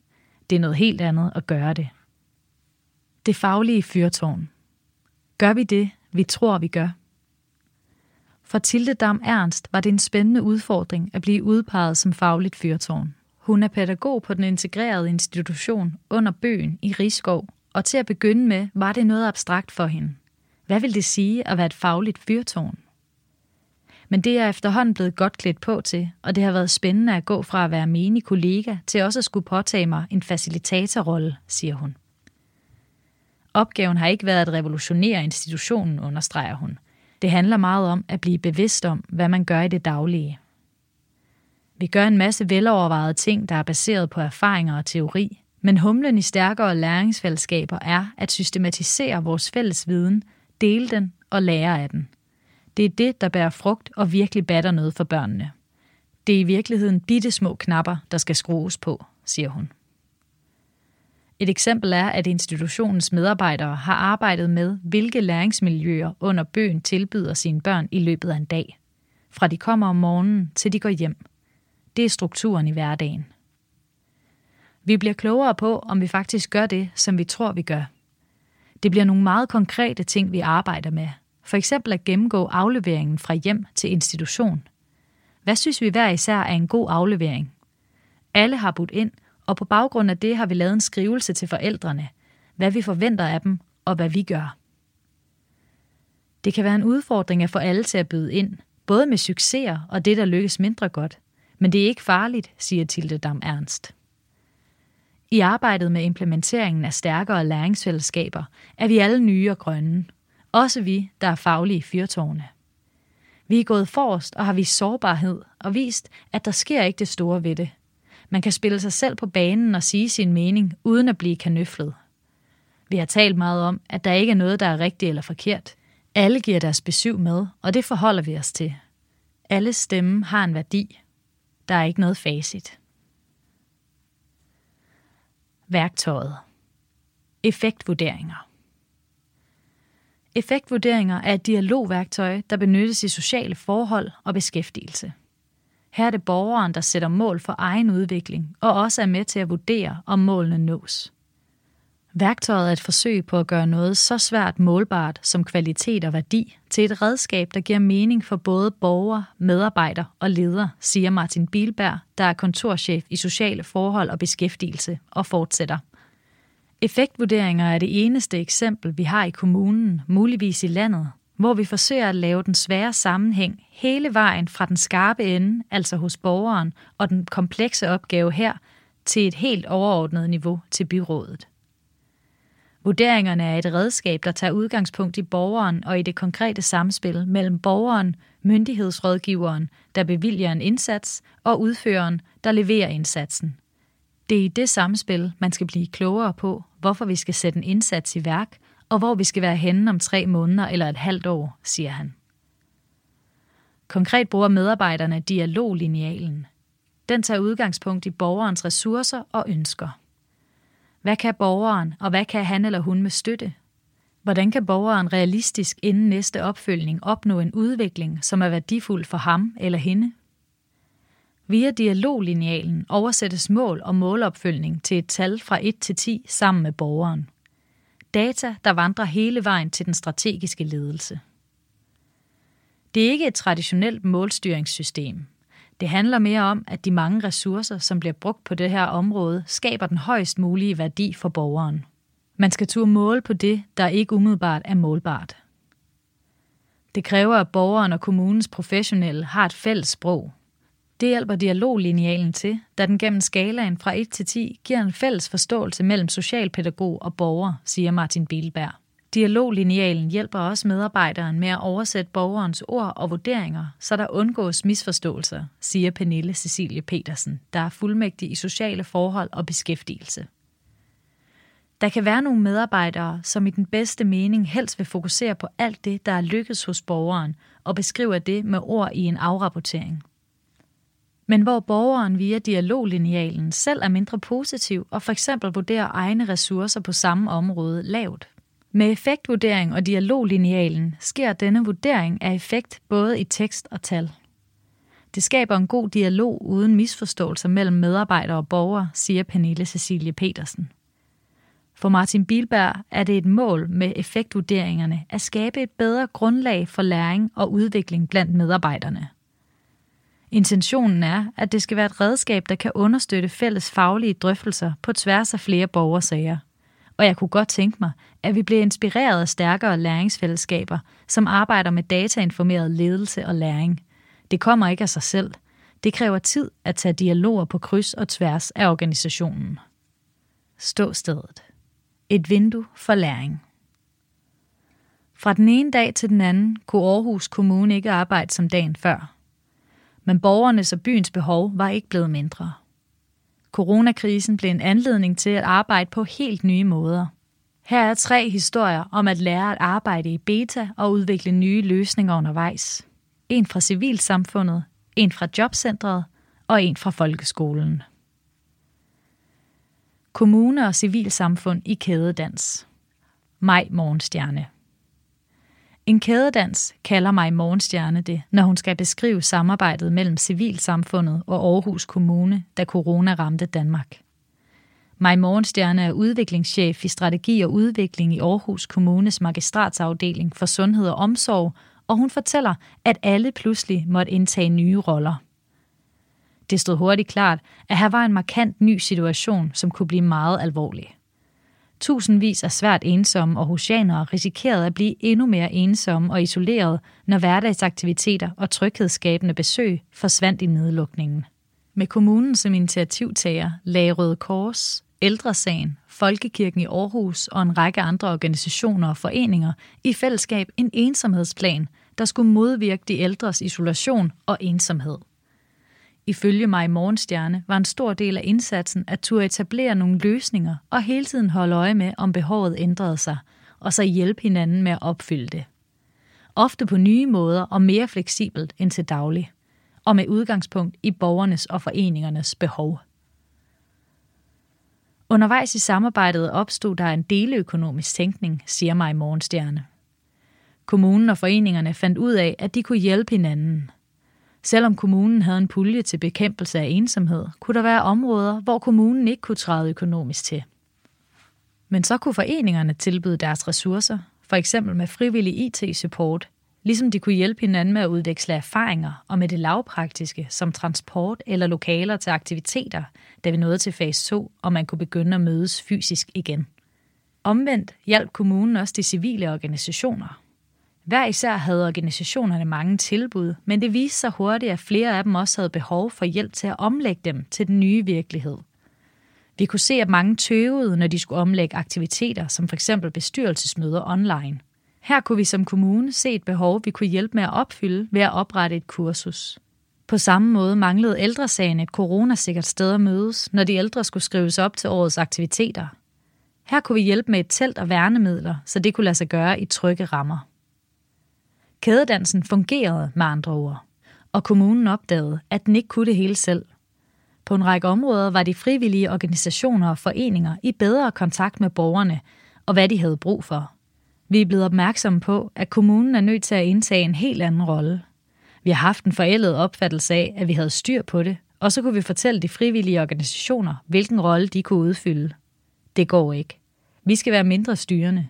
Vi skal gøre os gode indad til og facilitere samarbejdet udad til. Røde Kors er en af de organisationer, som har arbejdet tæt sammen med kommunen under coronakrisen. Her tøver formand Knud Aarup ikke med at kalde den nye samarbejdsmodel for en mulig revolution af hele den måde, vi organiserer det danske velfærdssamfund på. Vi kan udnytte hinandens ressourcer langt bedre og med et mere fuldstændigt blik for borgerens behov, når vi arbejder tæt sammen. Traditionelt har kommunerne gerne vil definere, hvad der skulle løses af opgaver. Nu er kommunen i langt højere grad en del af et ligeværdigt samarbejde, hvor den også kan facilitere de løsninger og opgaver, som organisationerne peger på, siger Knud Aarup. Viby skole byggede båden, mens de sejlede. Dorte Krejlgaard Nielsen. Viby skoles udskolingselever blev sammen med resten af Danmarks skoleelever sendt hjem den 12. marts 2020, da Danmark lukkede ned. Til at begynde med troede lærer Dorte Krejlgaard Nielsen, at hun og de ivrige lærere bare kunne rygsvømme og skæmme de 14 dage, det handlede om, og fortsætte undervisningen, som de altid havde gjort. Men vi fandt hurtigt ud af, at det ikke fungerede, konstaterede Dorte Krejlgaard Nielsen. Hun og kollegerne anede ikke, hvordan de skulle gribe situationen an. Der var også en stor bekymring for, at coronanedlukningen ville forstærke forskellene eleverne imellem, så de stærke blev stærkere og de svageste svagere men vi måtte lære at være kreative virtuelt. Der var ingen af os, der havde prøvet at undervise så intensivt i så lang en periode online før. Det handlede om at bygge båden og sætte sejl, mens den sejlede, og den tog også vand ind en gang imellem. Efterhånden blev det tydeligere, hvad der virkede, og en del af det har ført til mere varige forandringer. Vi arrangerede et mere struktureret rum for at diskutere faglighed. De samtaler, vi før havde over lever på stejsmaden, blev pludselig møder med fokus på vidensdeling, læring og det at turde give slip på egen praksis. Og vi fandt hurtigt ud af, at det fungerede bedst at undervise i mindre virtuelle grupperum, siger hun. Det gav mulighed for at stille spørgsmål til alle i gruppen, og de mindre stærke kom mere til ord. Et andet resultat af coronaundervisningen er flere korte en-til-en samtaler med eleverne. Oven på de gode erfaringer med mindre grupper opstod ideen om at mødes med eleverne enkeltvis til korte, hyppige evaluerings- og feedback-samtaler. Til samtalen kan jeg spørge dem om, hvad de har lært og hvad de gerne vil være bedre til. Og så får de en eller to ting, de skal arbejde videre med. En-til-en samtalerne har Dorte Krejlgaard Nielsen videreført efter genåbningen, men det er mere krævende nu, hvor undervisningen ikke længere er digital med uforstyrret rum til mindre grupper og enkelte elever. Nødbekendtgørelsen under nedlukningen betød også færre mål og krav, hvad der gav lærerne større mulighed for at være kreative. Nu er de individuelle samtaler nødt til at være en prioriteret tid, der går fra anden undervisning, men det er værdifuldt for eleverne. Nu er de mere nysgerrige på, hvordan de kan blive dygtigere. Efterhånden er det sådan i dag, at mine elever er blevet dygtigere og villige til at se, hvad de skal blive bedre til. For mig har corona betydet, at jeg vil fortsætte med at prioritere feedback-samtalerne med eleverne, selvom det ofte er interessetimer, jeg bruger på det. Fordi jeg kan bare se, at nogen bliver meget dygtigere, og alle bliver mere nysgerrige. De bliver mere bevidste om, at det også er deres ansvar at blive dygtigere, og det er en enorm vigtig viden, de får med sig videre i uddannelsessystemet, siger hun. Beskæftigelsesindsats med fokus på nu og her. Per Knage. Mindre fokus på skemaer og tidsfrister. Mere fokus på nu og her. Det er kort opsummeret uddannelseskonsulent Per Knages erfaring med coronakrisen. Per Knage, der er uddannet socialrådgiver, arbejder ved Jobcenter Aarhus og har som opgave at få unge videre i job eller uddannelse. Der er tale om unge med udfordringer, fordi de måske ikke lige nu og her er klar, men hvor jobcentret har vurderet, at de inden for et år vil være klar. De sædvanlige procedurer brød sammen, da det meste af Danmark blev lukket. Det var ikke muligt at holde de lovpligtige samtaler på centret, og medarbejderne kunne ikke iværksætte indsatser. Men Per Knage opdagede, at det åbnede nye muligheder. Normalt, når vi indkalder til møde, skal vi gøre det en uge tidligere og sende en indkaldelse i en e-boks. I stedet tog vi telefonen og spurgte de unge, om de lige havde et kvarter til at tale. Det gav i mange tilfælde mere afslappet samtale med de unge. Det var ikke så struktureret, som det ellers kan være. Det har givet mulighed for at lægge nogle andre planer, siger Per Knage. Mens indsatsen normalt er meget standardiseret med fire halvårlige møder, beskriver Per Knage, hvordan indsatsen under corona har taget mere udgangspunkt i nuet, i det, som fylder og sker for den unge nu og her. Fordi beskæftigelseslovgivningen var suspenderet, kunne man lave nogle indsatser, som var mere på baggrund af et socialfagligt skøn, siger Per Knage og giver et eksempel. Når jeg talte med en ung, som gerne ville have et arbejde og søge nogle jobs, har jeg kunne give et løft til, hvordan de kunne søge et job på egen hånd, og så løbende have nogle samtaler om, hvordan det går. Normalt vil jeg også have fokus på tidsfristerne, men nu har der været mere frihed til at lave en konkret individuel vurdering for de unge, tilføjer han. For Per Knage er det dog vigtigt at understrege, at alt det gamle ikke skal kasseres. Der ligger også en vigtig faglighed i strukturerne og lovkrav, og han savner de fysiske møder. Det er ikke for alle unge. Nogle borgere passer den her indsats ikke til. Nogle har godt af, at der er faste rammer.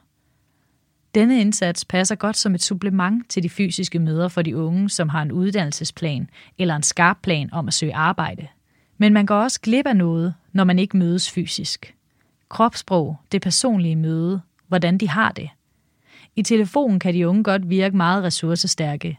Det personlige fremmøde siger mere om, hvordan de reelt har det. Dilemma.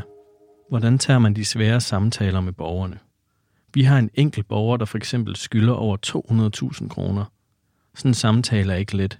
Heller ikke med et mantra om god service og nemt at betale. Her må man prøve sig frem, måske flere gange. Der er ingen garanti for, at det virker, men det virker i hvert fald ikke at lade være. Lene Harti Danielsen, chef for borgerservice. Dilemma. Hvor går grænsen for kommunens ansvar? Samskabelse og innovation kræver både noget af ledere og medarbejdere. Det kræver en høj faglighed og en evne til at bringe sin faglighed i spil på nye måder. Det kræver også ledere, der påtager sig medansvar for noget og nogen, som de ikke nødvendigvis har det formelle ledelsesansvar for. Fælles med udvalget. Tjek værktøjet. Energiledelse. Bygninger er samfundets største energiforbruger, 40% og CO2-udleder. Derfor er energioptimering af kommunens bygninger en vigtig del af den grønne omstilling. Aarhus Kommunes arbejde med energiledelse viser, at man kan opnå store resultater ved at arbejde klogt med data. Projektet Intelligent Databaseret Energiledelse er et samarbejde mellem Aarhus Kommune, Viborg Kommune og Dansk Energimanagement med støtte fra Energistyrelsen. Gennem projektet er der udviklet en række værktøjer, som hjælper både de lokale kommunale serviceledere og de kommunale fagchefer med at identificere bygningerne med højt energiforbrug. Samtidig kan man benchmarke sig selv med andre kommunale bygninger eller deltagende private aktører og få indsigt i, hvilke bygninger, der har det største potentiale for energioptimering. Målet om 5% sparelse af det samlede forbrug på el, vand og varme blev opnået efter to års energiledelsesindsats. Grundlaget for at kunne opnå målet om 5% reduktion i energiforbruget er et solidt og korrekt datagrundlag. Derfor har der i projektets første år været fokus på datainfrastrukturen og datatilgængeligheden. Eksempel på en prøvehandling. Black Friday-kampagnen. I november 2019 iværksatte Borgerservice en kampagne i forbindelse med handelsdagen Black Friday. 8.650 borgere fik en skrivelse i digital post med titlen Sort samvittighed. Deres samlede gæld udgjorde mere end 56 millioner kroner af en samlet gæld til Aarhus Kommune på ca. 386 millioner kroner. Kampagnen kulminerede med en stand midt på gågaden mellem forbrugsfestens højt råbende tilbud og sort fredagsglimmer. Borgerservice havde udstyret sig med graffitimaleren Dato og en masse chokolade, guldmønter og chokerende budskaber. Indsatsen har på meget kort tid givet ca. 2 millioner kroner til Aarhus Kommune. Dilemma. Hvordan lægger man en nulfejlskultur til side? Det stiller store krav til både politikerrollen, lederrollen og medarbejderrollen at turde vise det, man ikke er dygtig til eller ikke lykkes med. Det er afgørende i denne omstilling, at det ikke bare bliver en hyldest af succeshistorierne, men også at vi ender pille ved det, der er svært. Thomas Medum, rådmand, børn og unge. Dilemma. En ny rolle for tillidsrepræsentanterne. Vi kommer ikke til at få forståelsesrammen ud over rampen, hvis alle dilemmaer og konflikter forsøges løst inden for nuværende rammer. Så undergraver vi den tillid, der ellers er så central i forståelsesrammen. Det kræver for eksempel en ny rolle af tillidsrepræsentanterne. Vi skal til at løse mere i samarbejdssporet. Jesper Weber Skorstengård, formand for Aarhus Lærerforening. Dilemma. Hvordan ser man bort fra det, man tror, man ved? Vi er vant til at handle på vores synsninger og antagelser. Hvis jeg for eksempel antager om et barn, at han har nogle dårlige legekompetencer, fordi han er udadreagerende på legepladsen, så er jeg klar til at handle på det. Men hvis jeg begynder at kigge efter og undersøge, hvad der rent faktisk sker, og i hvilke situationer og med hvilke børn, så får jeg afsæt til en ny måde at se ham på, som ikke bare er min antagelse. Kirsten Sørensen, læringspartner. Dilemma. Kan værktøjet misforstås? Der kan desværre være en misforståelse om, at det her handler om besparelser.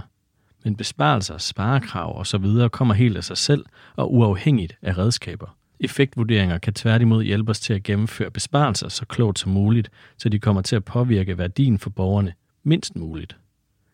Martin Bilberg, kontorchef. Check casen. Bedre løsninger til udsatte unge voksne. Aarhus Kommunes innovationsenhed CFIA har hjulpet magistratafdelingen for sociale forhold og beskæftigelse med at udvikle nye værktøjer til at sikre en bedre overgang til voksenlivet for udsatte unge i Aarhus Kommune. I processen er det borgere og medarbejdere, der sammen har udviklet en række nye værktøjer, blandt andet nye dialogredskaber og mødeformer. Værktøjerne er efterfølgende blevet testet over en periode for at sikre, at de skaber øget værdi for både de udsatte unge og kommunens ansatte for plejemor Lili Bak Andersen, hvis søn Jørn har været igennem forløbet fra ung til voksen, har det været tydeligt, at kommunen har fået en ny indfaldsvinkel. Før blev vi set som modspillere. Vi var lidt på tværs. Nu er tilgangen, at det kan være, at den her plejefamilie, som har kendt barnet i 18 år, har en viden, der kan bruges.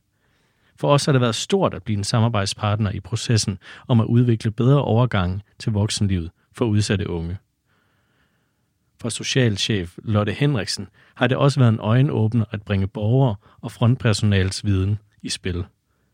Det har været fantastisk at se, hvor stort ejerskab der har været til løsningerne. Der er en energi og gnist i øjnene, når medarbejderne præsenterede løsningerne for mig. Og det betyder, at de løsninger, vi laver, tager afsæt i borgernes erfaringer og hverdag.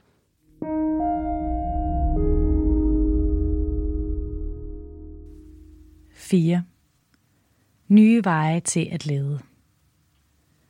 Mål og målinger skal først og fremmest give mening for dem, der bidrager direkte til velfærdsudviklingen. Det vil sige hos frontmedarbejderen og dem, der skal leve et godt liv. Borgerne. Nye veje til at lede handler grundlæggende om en ny politisk og demokratisk kultur, hvor det bliver meningsfuldt og nærværende at engagere sig i byens udvikling. Og så handler det om en ny ledelsesstil, hvor vi åbent kan tale om, hvordan det går, også når det ikke går, som vi drømmer om. Nye veje til at lede handler om at flytte fokus fra beslutning til ledelse, fra kontrol til lydhørhed, fra tordenskjolds soldater til fokus på mangfoldighed, fra effekt til fokus på værdi.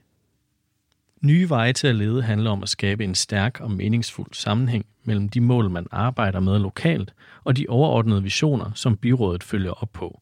Og gøre det på en måde, så det ikke kun er de ressourcestærke, som kommer til ord. Brug artiklen som afsæt til at drøfte, hvordan jeres team eller afdeling vil arbejde med at styrke den demokratiske samtale og det lokale ejerskab. Et mini-Aarhus sat nye mål for kommunen. Hvad er et godt liv for indbyggerne i Aarhus? Aarhus Kommune samlede en slags mini-Aarhus, der skulle svare på spørgsmålet, og fik overraskende svar, der i dag er blevet til nogle meget anderledes Aarhus-mål. Nu er Aarhus Kommune i gang med at lære, hvordan man samler op på borgernes Aarhus-mål. Der var den nybagte mor, førtidspensionisten, den selvstændige, direktøren, den frivillige, den studerende og 143 andre. I alt 150 Aarhus-borgere blev udvalgt til at være spejl af alle indbyggere. Med hjælp fra Opinion havde Aarhus Kommune fundet en gruppe mennesker, der kunne repræsentere byens mangfoldighed på en ny måde. Sammen med medarbejdere fra kommunen skulle de i løbet af nogle hektiske måneder fra 2017 til 2018 sætte en ny retning for Aarhus. Kommunen var nysgerrig på spørgsmålet. Hvad er et godt liv egentlig, når man spørger aarhusianerne selv? Hvad skal være målene for Aarhus som kommune og medborgerfællesskab? Chefkonsulent Ina Bøge Eskilsen var en af drivkræfterne i tilblivelsen af Aarhusmålene. Hun fortæller, at kommunen først havde tænkt sig at gøre, som man plejer. Indlede arbejdet med de sædvanlige skrivebordsmanøvrer i forvaltningen, hvor embedsværket først kigger lidt i de gældende nationale mål, lovgivningen og de eksisterende datakilder. Herefter i gang sættes drøftelser mellem rådmænd og strategiske chefer – og til sidst involveres de faglige organisationer, og der rækkes ud til de demokratisk valgte råd eller de organiserede interesser i byen. Men kommunen valgte at gå en anden vej denne gang. At spørge bredere og mere åbent og finde borgere, der ikke skulle repræsentere andre end sig selv, uden en forudbestemt agenda. Vi tænkte i stedet, lad os se, hvad der sker, hvis vi starter og slutter med borgerne, fortæller Ina Bøge Eskilsen. Ligeværdige og nysgerrige samtaler – Inddragelsesprocessen kulminerede i en stor samtalesalon i Stakladen, hvor knap 100 mennesker dukkede op. 20 brugere var dækket op til middag, og ved hver bord sad der en direktør eller topchef fra Aarhus Kommune. Men de optrådte ikke i deres sædvanlige rolle som chef for det ene eller det andet kommunale område. I stakladen var stjernerne pillet af skulderen, og cheferne præsenterede sig bare med deres fornavn og som værter ved bordet. Det eneste, de var udstyret med, var en lap papir og en samtalemenu, og så var deres opgave ellers at lytte og notere, hvad der fyldte i borgernes samtale med hinanden. José Duce, der er direktør for Sundhed og Omsorg, var en af de chefer, der prøvede kræfter med rollen som vært ved samtalesalongen. For ham var det en meget anderledes opgave, men det var overraskende ressourcefuldt og meningsfuldt, siger han. Det er rigtig sundt en gang imellem lige at lægge beslutningskraften helt væk. At holde igen med trangen til at fikse ting, og i stedet lytte og samle de gode citater op, som borgerne kommer med. Jeg ved ikke, om jeg vil sige, at der var sommerfugle i maven, men det føles alligevel som et stort ansvar. Og helt anderledes at sidde der som vært, i stedet for direktør, siger han. Trine Kiel Naldal, som i 2017 var specialkonsulent ved borgerdesign og rådgiver på processen, fortæller, at det var et helt bevidst valg at iscenesætte samtalesalongen på den måde. Vi havde brug for at komme tættere på, hvad der betyder noget for borgerne i Aarhus. Ligeværdighed og oprigtig nysgerrighed var DNA'et i de roller, som direktører og chefer indtog den decemberaften i Stakladen.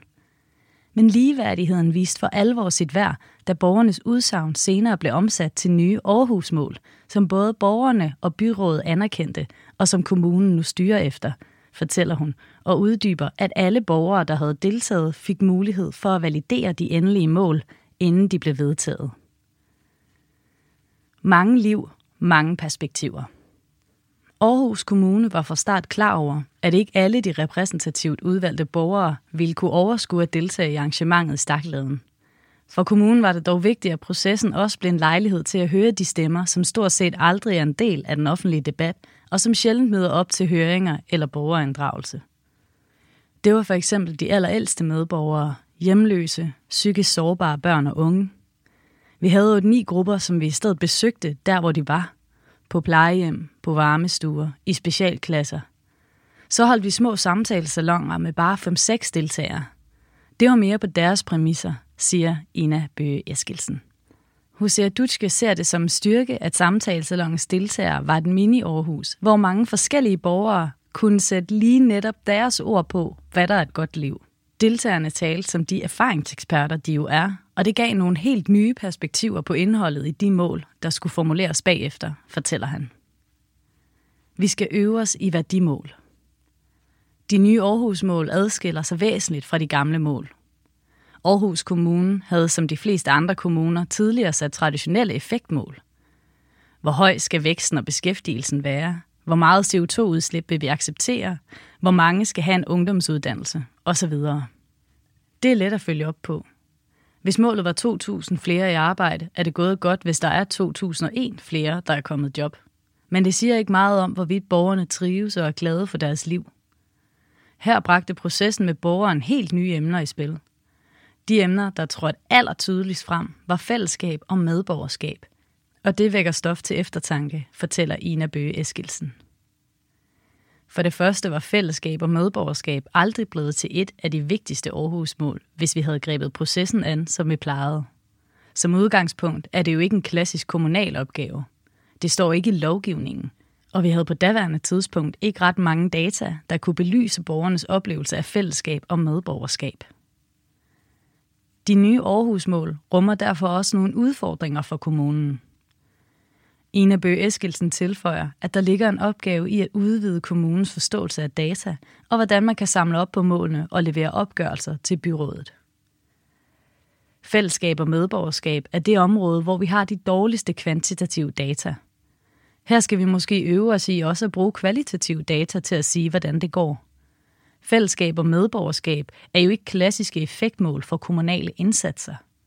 I bedste fald kan kommunen bidrage til at skabe rammerne for det, men civilsamfundets eget initiativ, engagement og medspil er helt afgørende. Os har set Dutschke erkender, at det er svært at følge op på værdimål, som for eksempel medborgerskab, fællesskab eller trivsel. Vi er verdensmestre i effekt- og ydelsesmål. Men at lave de her værdimål og belyse dem med en blanding af kvantitative og kvalitative data, det kræver seriøst arbejde.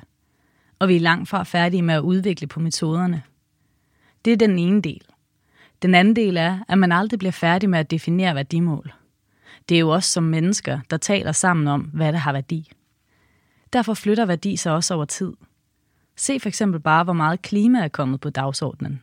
At sætte og følge op på værdimål er en kontinuerlig proces. Det gør det til et dybt spændende felt at være i, siger han. Samtidig understreger Hosea Dutschke, at man ikke kan opgive også at have kvantitative mål, der forpligter den enkelte afdeling.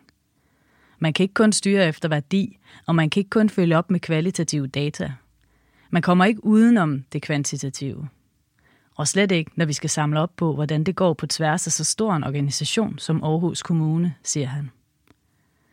Men lokalt kan man noget mere, hvis man tør. Selvfølgelig kan man for eksempel lave en tilfredshedsknap på hvert plejehjem. Hvordan har dit besøg været? Og så følge op på det. Men måske er det mindst lige så interessant, hvad der rent faktisk sker derinde i stuen, når beboerne spiser sammen med hinanden. Hvad er det for nogle stjernestunder, der opstår, og hvordan beskriver man værdien af de menneskelige relationer? Det er vigtig viden, hvis man skal udvikle plejehjemmet, så beboerne får et liv med endnu mere fællesskab. Og det er svært. Her er vi ikke færdige med at øve os, siger han. Værktøjet. WHO 5 i Center for Livskvalitet bruger man Verdenssundhedsorganisationens trivselsindeks WHO5 til at hjælpe ældre borgere til et bedre liv. Med værktøjet WHO5 er det fagligheden og ikke de øverste ledelseslag eller politikerne, der udvikler mål og metoder. Sten Lie Mortensen leder arbejdet med WHO 5. Han fortæller, at ensomme ældre er en af de grupper af borgerne, som har det sværest. Ofte har ensomhedens selskab af psykiske og fysiske sårbarheder, og oplevelsen af livskvalitet eller mening i tilværelsen kan til med være lav. Sten Lie Mortensen leder en gruppe psykologer, der er eksperter i psykologien hos ældre mennesker. Og det er psykologerne og de ældre, der sammen finder frem til et tal for livskvaliteten. Man får typisk op til otte samtaler med psykologen. Når samtaleforløbet er slut, bliver man målt igen med de samme spørgsmål.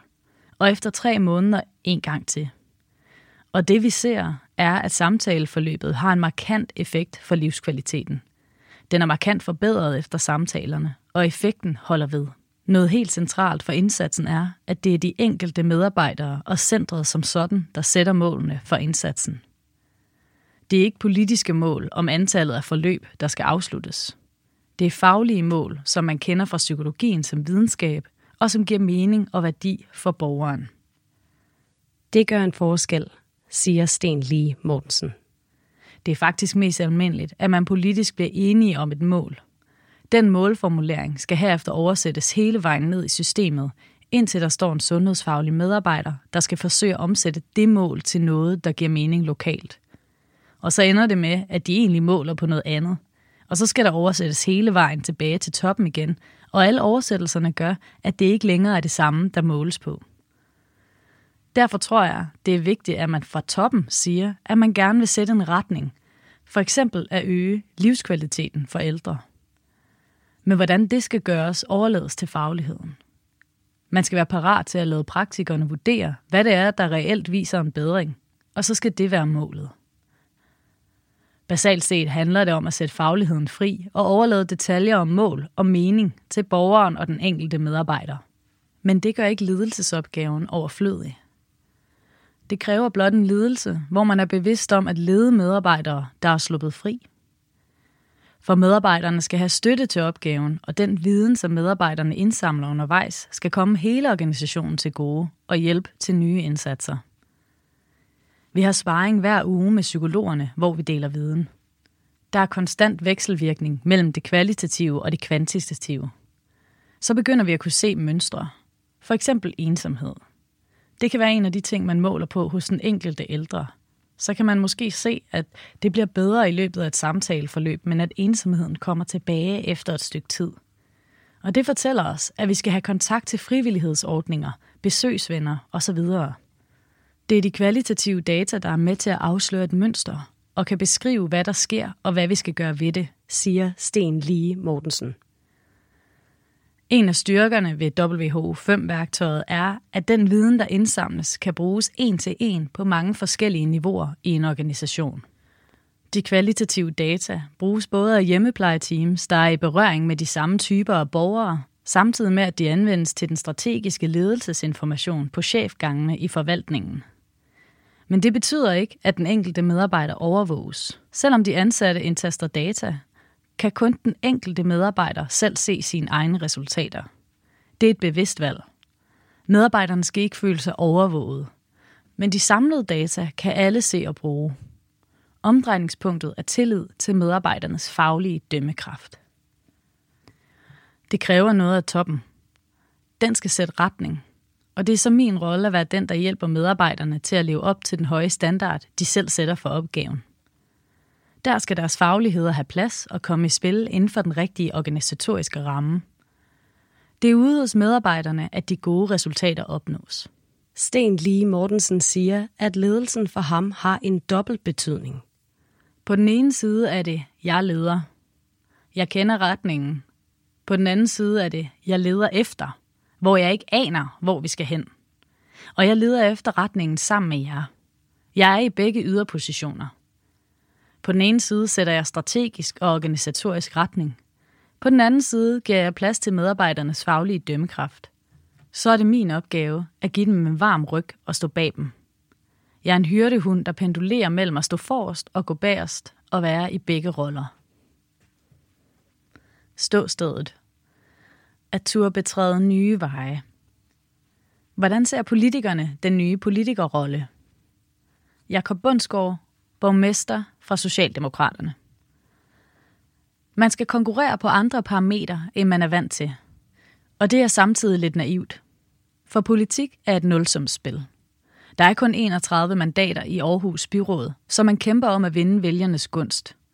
Men det her skulle gerne være med til at skubbe os alle sammen som politikere i retning af, at det bliver de gode løsninger, som vi konkurrerer på. Skub til den måde, som man går til opgaven på som politiker. At man venter et øjeblik, inden man springer til løsninger, såsom at stille øgede krav til dokumentation. Man skal kunne forblive nysgerrig på, hvad der egentlig er i spil. Og det er svært, for det er jo en 100 år gammel logik, vi taler om. Benjamin Simsek, rådmand for teknik og miljø fra Venstre. Jeg er blevet bevidst om, at jeg skal give en større grad af rygdækning til mine medarbejdere. De skal mærke tillid til, at de leverer på de ting, der er lovet borgerne inden for den ramme, der er sat. Men vi skal kunne udfordre rammen. Når jeg modtager nye medarbejdere, siger jeg, at de skal forestille sig, at vi har en firkantet ramme. Den er defineret af politik, af lovgivning og masser af regelsæt. Men jeg vil gerne have, at de slår buler i rammen. De må bare aldrig slå hul i den. For så er vi på et plan, vi ikke kan forklare og forsvare. Men den lille bitte sagsmængde, hvor vi rammer uden for skiven, det snakker vi om. Det forbedrer vi os på. Thomas Medum, rådmand for børn og unge fra Socialistisk Folkeparti. Der er mange måder at skabe politiske forandringer på og varetage en tilsynsforpligtelse på. Vi har mange politikere, som er gode til at tage på besøg ude på institutionerne, som er i dialog med borgere, foreninger og organisationer. Det ligger stadig helt naturligt i politikerrollen. Men dette vil nok ændre på politikernes rolle. Man skal som politiker turde træde ind i det nye rum, hvor man tager dialog med borgerne på nye måder, f.eks. deltagerbudgetter. Jeg tror, der bliver plads til endnu flere politikerroller end i dag. Det er virkelig fascinerende. Jette Skive, rådmand for Sundhed og Omsorg fra Dansk Folkeparti. Vi skal blive bedre til at lytte. Vi er ikke fagfolk. Vi er politikere og skal sætte nogle rammer. Men for at sætte de rigtige rammer, skal vi blive bedre til at lytte til de mennesker, der skal udfylde rammerne. Lægger vi det rette snit? Det gælder også i forhold til borgerne. Jeg vil hellere tage dialog med borgeren end en høring. En rigtig dialog. Et foretræde er ikke en dialog. Alle de høringer, vi holder for borgerne, hold da op. Mange af dem er skinprocedurer. Vi skal være meget mere lyttende, nærværende og inddragende og være sikre på, at vi får inddraget bredt og ikke bare de sædvanlige. Lone Hindø, magistratsmedlem fra Socialdemokratiet. Vi er enige om, at vi skal blive bedre til at lytte. Men her tror jeg, at vi stadig har et arbejde foran os med at knække koden. Bruger vi de rigtige dialogformer? Når vi er ud til forskellige borgere, eller er det de samme, vi får i tale? Vi skal finde nye måder at tage samtaler med borgerne, også om de svære ting. Hvordan vi får borgerne til at forstå, når pengene ikke slår til. Og så er der også et stort arbejde at gøre i forhold til at skabe tillid mellem politikere og borgere. Vi har behov for at kunne forstå hinanden. Vi bruger de her fine ord, samskabelse. Nogle gange tror jeg, at vi hægter borgerne af med alle de ord. Mette Skavtrup, magistratsmedlem fra De Konservative. Vi skal tillade vores medarbejdere at begå fejl, når det ikke er ulovligt. Som ledelse og politikere bliver vores største udfordring at sætte os på vores hænder og tige stille. Hvad så, når noget går galt? Vi skal tillade vores medarbejdere at lave fejl. De øverste lag i forvaltningen skal acceptere, at medarbejderne ikke gjorde, som de ønskede, men derfor behøver vi ikke kræve handling eller rapporter. Det sværeste bliver at slippe kontrollen. Som professor Gert Tinggaard fra Aarhus Universitet siger, kontrol er godt, men tillid er billigere. Det skal vi øve os på. Lone Nordlander Schmidt magistratsmedlem fra Enhedslisten. Jeg tænker meget i tryghed og tillid. Det synes jeg, at vi mangler i Aarhus. Vi skal turde tale om det, som er problematisk. Vi skal få tryghed og tillid til, at det er okay at træde ved siden af. I dag er der alt for stor utryghed i forhold til at sige, når noget ikke fungerer. Vi skal droppe glansbilledet. Vi er lidt bange for at slippe gækken løs. Jeg kunne godt tænke mig, at der gik lidt kaospilot i den. At vi fik fat i nogen af de mennesker, som tør tingene på en anden måde. Som politiker skal jeg være endnu mere lyttende. Selvom jeg synes, at jeg er meget lyttende, skal jeg være bedre til at sige, at okay, hvis det giver mening for jer, så er det fint. Christian Wirtz fra Socialdemokraterne, rådmand for sociale forhold og beskæftigelse. Det er vigtigt ikke at postulere, at en ny forståelsesramme vil fjerne konflikt, interessemodsætning og ressourcekampe fra det politiske rum. Det vil altid være der. Men vi skal skrue op for dialog og åbenhed. Giv plads til chancer og idéer, som ikke har vist deres værd endnu. Vi skal skabe en mere dynamisk offentlig sektor og give plads til fejl. Som politikere skal jeg sikre, at vi har en organisation, som har kræfter og mod til at prøve initiativer af. Dilemmaet er, at kritikken af fejl nok vil blive ved med at være der. Det er jo et vilkår. Og et nyt værdibegreb fjerner ikke ansvaret for at træffe beslutninger fra politikerne. Rabi Assad Ahmad, rådmand for kultur og borgerservice fra Radikale Venstre. Vi skal væk fra kun at gå op i det, som kan måles og vejes. Jeg vil i virkeligheden hellere have, at vi fokuserer på det, som mærkes og føles. Vi skal skabe værdi for mennesker. Det handler ikke om at skabe værdi i et regneark. Jeg tror, at dialog med borgerne bliver afgørende for, at vi som politikere kan se, om det, vi beslutter, gør en forskel. Tilliden bliver afgørende her. At man gør det med intentionen om at skabe værdi for borgeren. Hvis vi begynder at kontrollere alt, så arbejder vi ikke med værdi, og så skal vi indstille os på mindre nulfejlskultur. Ståstedet. En frihed fyldt med dilemmaer. Den nye forståelsesramme for Aarhus Kommune er et frihedskald. Mere frihed til fagligheden, til forsøg, til at finde nye perspektiver og invitere andre ind i arbejdet med at gøre Aarhus til det levende fællesskab, som er det overordnede ønske. Men dilemmaerne og faldgrupperne er mange, fra stram lovgivning til aktivistiske politikere, der gerne vil ned i enkeltsager, siger stadsdirektør Niels Højberg. På et plejehjem var der en meget syg mand. Han ville gerne ligge i sengen på en bestemt måde, for sådan havde han det bedst og færrest smerter. Personalet forstod ønsket og indrettede sengen, så manden kunne være så godt tilpas som muligt i den. Og så kom arbejdstilsynet og satte en stopper for det, for sengen var ikke indrettet efter reglerne. Hvad gør man så? Jeg måtte bare sige pas, fortæller stadsdirektør Niels Højberg, der fik historien om den syge mand fortalt, da han holdt seminar for ledere om at tænke kommunen forfra. Vi er ikke kommet dertil, at man reelt kan modgå de regler, der er for indretningen af arbejdspladsen. Og hvis det skal være en offentlig institution med de regler og det tilsyn, der er der, så kan vi ikke lave om på det.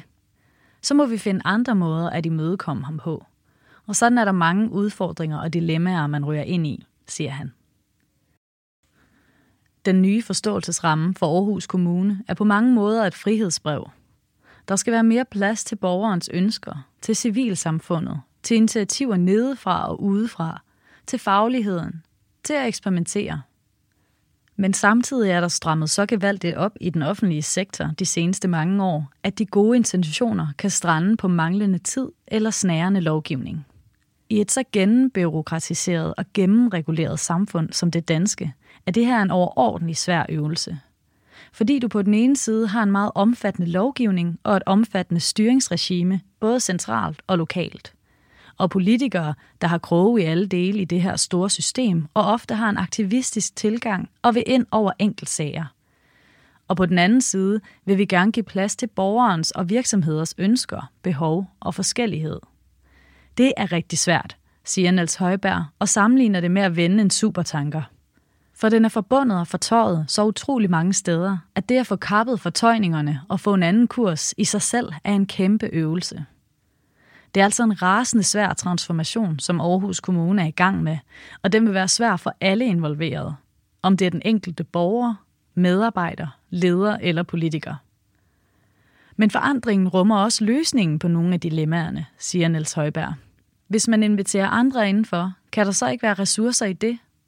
Samskabelsen giver et frirum, selvom jeg godt ved, at det er bøvlet og svært at bede andre om at komme ind i ens revir. Det kræver, at man er mere rummelig. Men vi kan også se, at der, hvor man kan have rummeligheden, der er højere social kapital og mindre sygefravær, siger Niels Højberg og tilføjer, at et andet fald, som kan bringe den ønskede frihed nærmere, er at arbejde med at mindske kontrollen. Vi tager diskussionen om, hvad det er, vi bruger tiden på. Regeringens nye udspil om at prøve friheden af på nogle områder kan være rigtig interessant. Hvis man tør smide det hele væk, hvad kan man så flytte på? Niels Højberg understreger, at ledelseskvaliteten bliver helt afgørende for, om Aarhus-eksperimentet kan lade sig gøre. Det gælder både de faglige ledere og de politiske. Min rolle bliver at minde politikerne om, at hvis det skal lykkes, så bliver vi nødt til at fastholde, at der skal være et decentralt ledelsesrum, som de ikke piller i. Det er svært, for mange af de politikere, vi har, går meget op i enkeltsager. Vi er 30.000 medarbejdere i kommunen, og vi har et samlet budget på over 20 milliarder kroner. Der kan man ikke lave en regel, der gælder alle, eller samle alle klager op og lade politikerne se dem. Det giver ingen mening. Niels Højberg understreger, at her bliver politikerne i højere grad nødt til at stole på den decentrale ledelse og på medarbejderne. For hver enkelt skoleklage kan ikke diskuteres politisk. Der er 40.000 skoleelever i Aarhus Kommune. Men samtidig er det en del af politikernes virkelighed, at de skal forholde sig til enkeltsager. Hvis en borger klager direkte til dem, eller hvis en sag bliver taget op af medierne. Her vil det typisk være politikerne, der skal stå på mål for noget, de ikke nødvendigvis har den store indsigt i. Også her ser Niels Højberg, at transformationen kan bære løsningen. Mere transparens, bedre og lettere klageveje for borgeren, mere borgerinddragelse. Medarbejdere, der tør tage dialogen, og en kultur, hvor man ikke forsøger at dække over fejl, men i stedet lærer af dem. Som Niels Højberg konstaterer, er det ofte ikke fejlen i sig selv, men forsøget over at dække over den, der for alvor gør borgerne vrede og frustrerede. Hvis jeg skal skære det ud i pap, mit vigtigste tema er at få skabt accept af det decentrale råderum, byråkratisk og politisk. Gerne på sådan en måde, at det omgivende samfund kan få en langt større rolle at spille i, hvordan etableringen af det fælles finder sted. Det selv at få lov at udfylde rammen giver ansvarlighed. Vi skal have afviklet systemtyranniet, og når vi har borgerne med i arbejdet og sætter deres trivsel, ønsker og behov i centrum for opgaven, vil der også opstå et andet udgangspunkt for at håndtere nogle af dilemmaerne. Og her skal vi løbende besinde os på K.E. Løstrups ord om, at den enkelte aldrig har med et andet menneske at gøre, uden at han holder noget af dets liv i sin hånd. Dilemma. Hvordan omsætter man borgerinddragelsen til fælles viden og sætter den i spil? Vi er i mange tilfælde rigtig gode til at lave inddragelse og lære af det, men det er svært at få den indsamlede viden omsat. Den passer ikke altid ind i vores systemer, og den opsamlede viden kan nogle gange ikke gribes og anvendes videre. Det skal vi øve os i. Trine Kiel, Naldal, kvalitetskonsulent. Tjek værktøjet. Ligeværdige partnerskaber. I ligeværdige partnerskaber mødes en erfaringsekspert, altså borger, med en strategisk leder i en ligeværdig og nærværende relation. I relationen udveksles forskellige indsigter om det at være psykisk sårbar ung voksen i Aarhus, og om at være voksen, livserfaren og strategisk leder i sundhedsvæsenet – det direkte og nærværende møde giver ledere et indblik og en viden, som de sjældent får, fordi de arbejder fjernt fra kontakten til borgerne. Lederen mærker på egen krop, hvordan det for eksempel er at være ung og leve med psykisk sårbarhed i et system, hvor fagpersonerne kun kan se en som enten syg eller rask, selvom den unge oplever at være både og. Omvendt får erfaringseksperten et indblik i, hvordan det er at arbejde i et system med love og regler, der sætter rammer for, hvad der kan lade sig gøre og hvad der ikke kan. Dilemma. Hvem definerer værdien, når der er uenighed? Hvem har i sidste ende definitionsretten i forhold til værdi? Borgerne, de fagprofessionelle eller politikerne? Hvordan prioriterer man, hvis der ikke er enighed mellem disse parter? Hvis der er tale om flere indbyrdes konkurrerende politiske eller faglige perspektiver?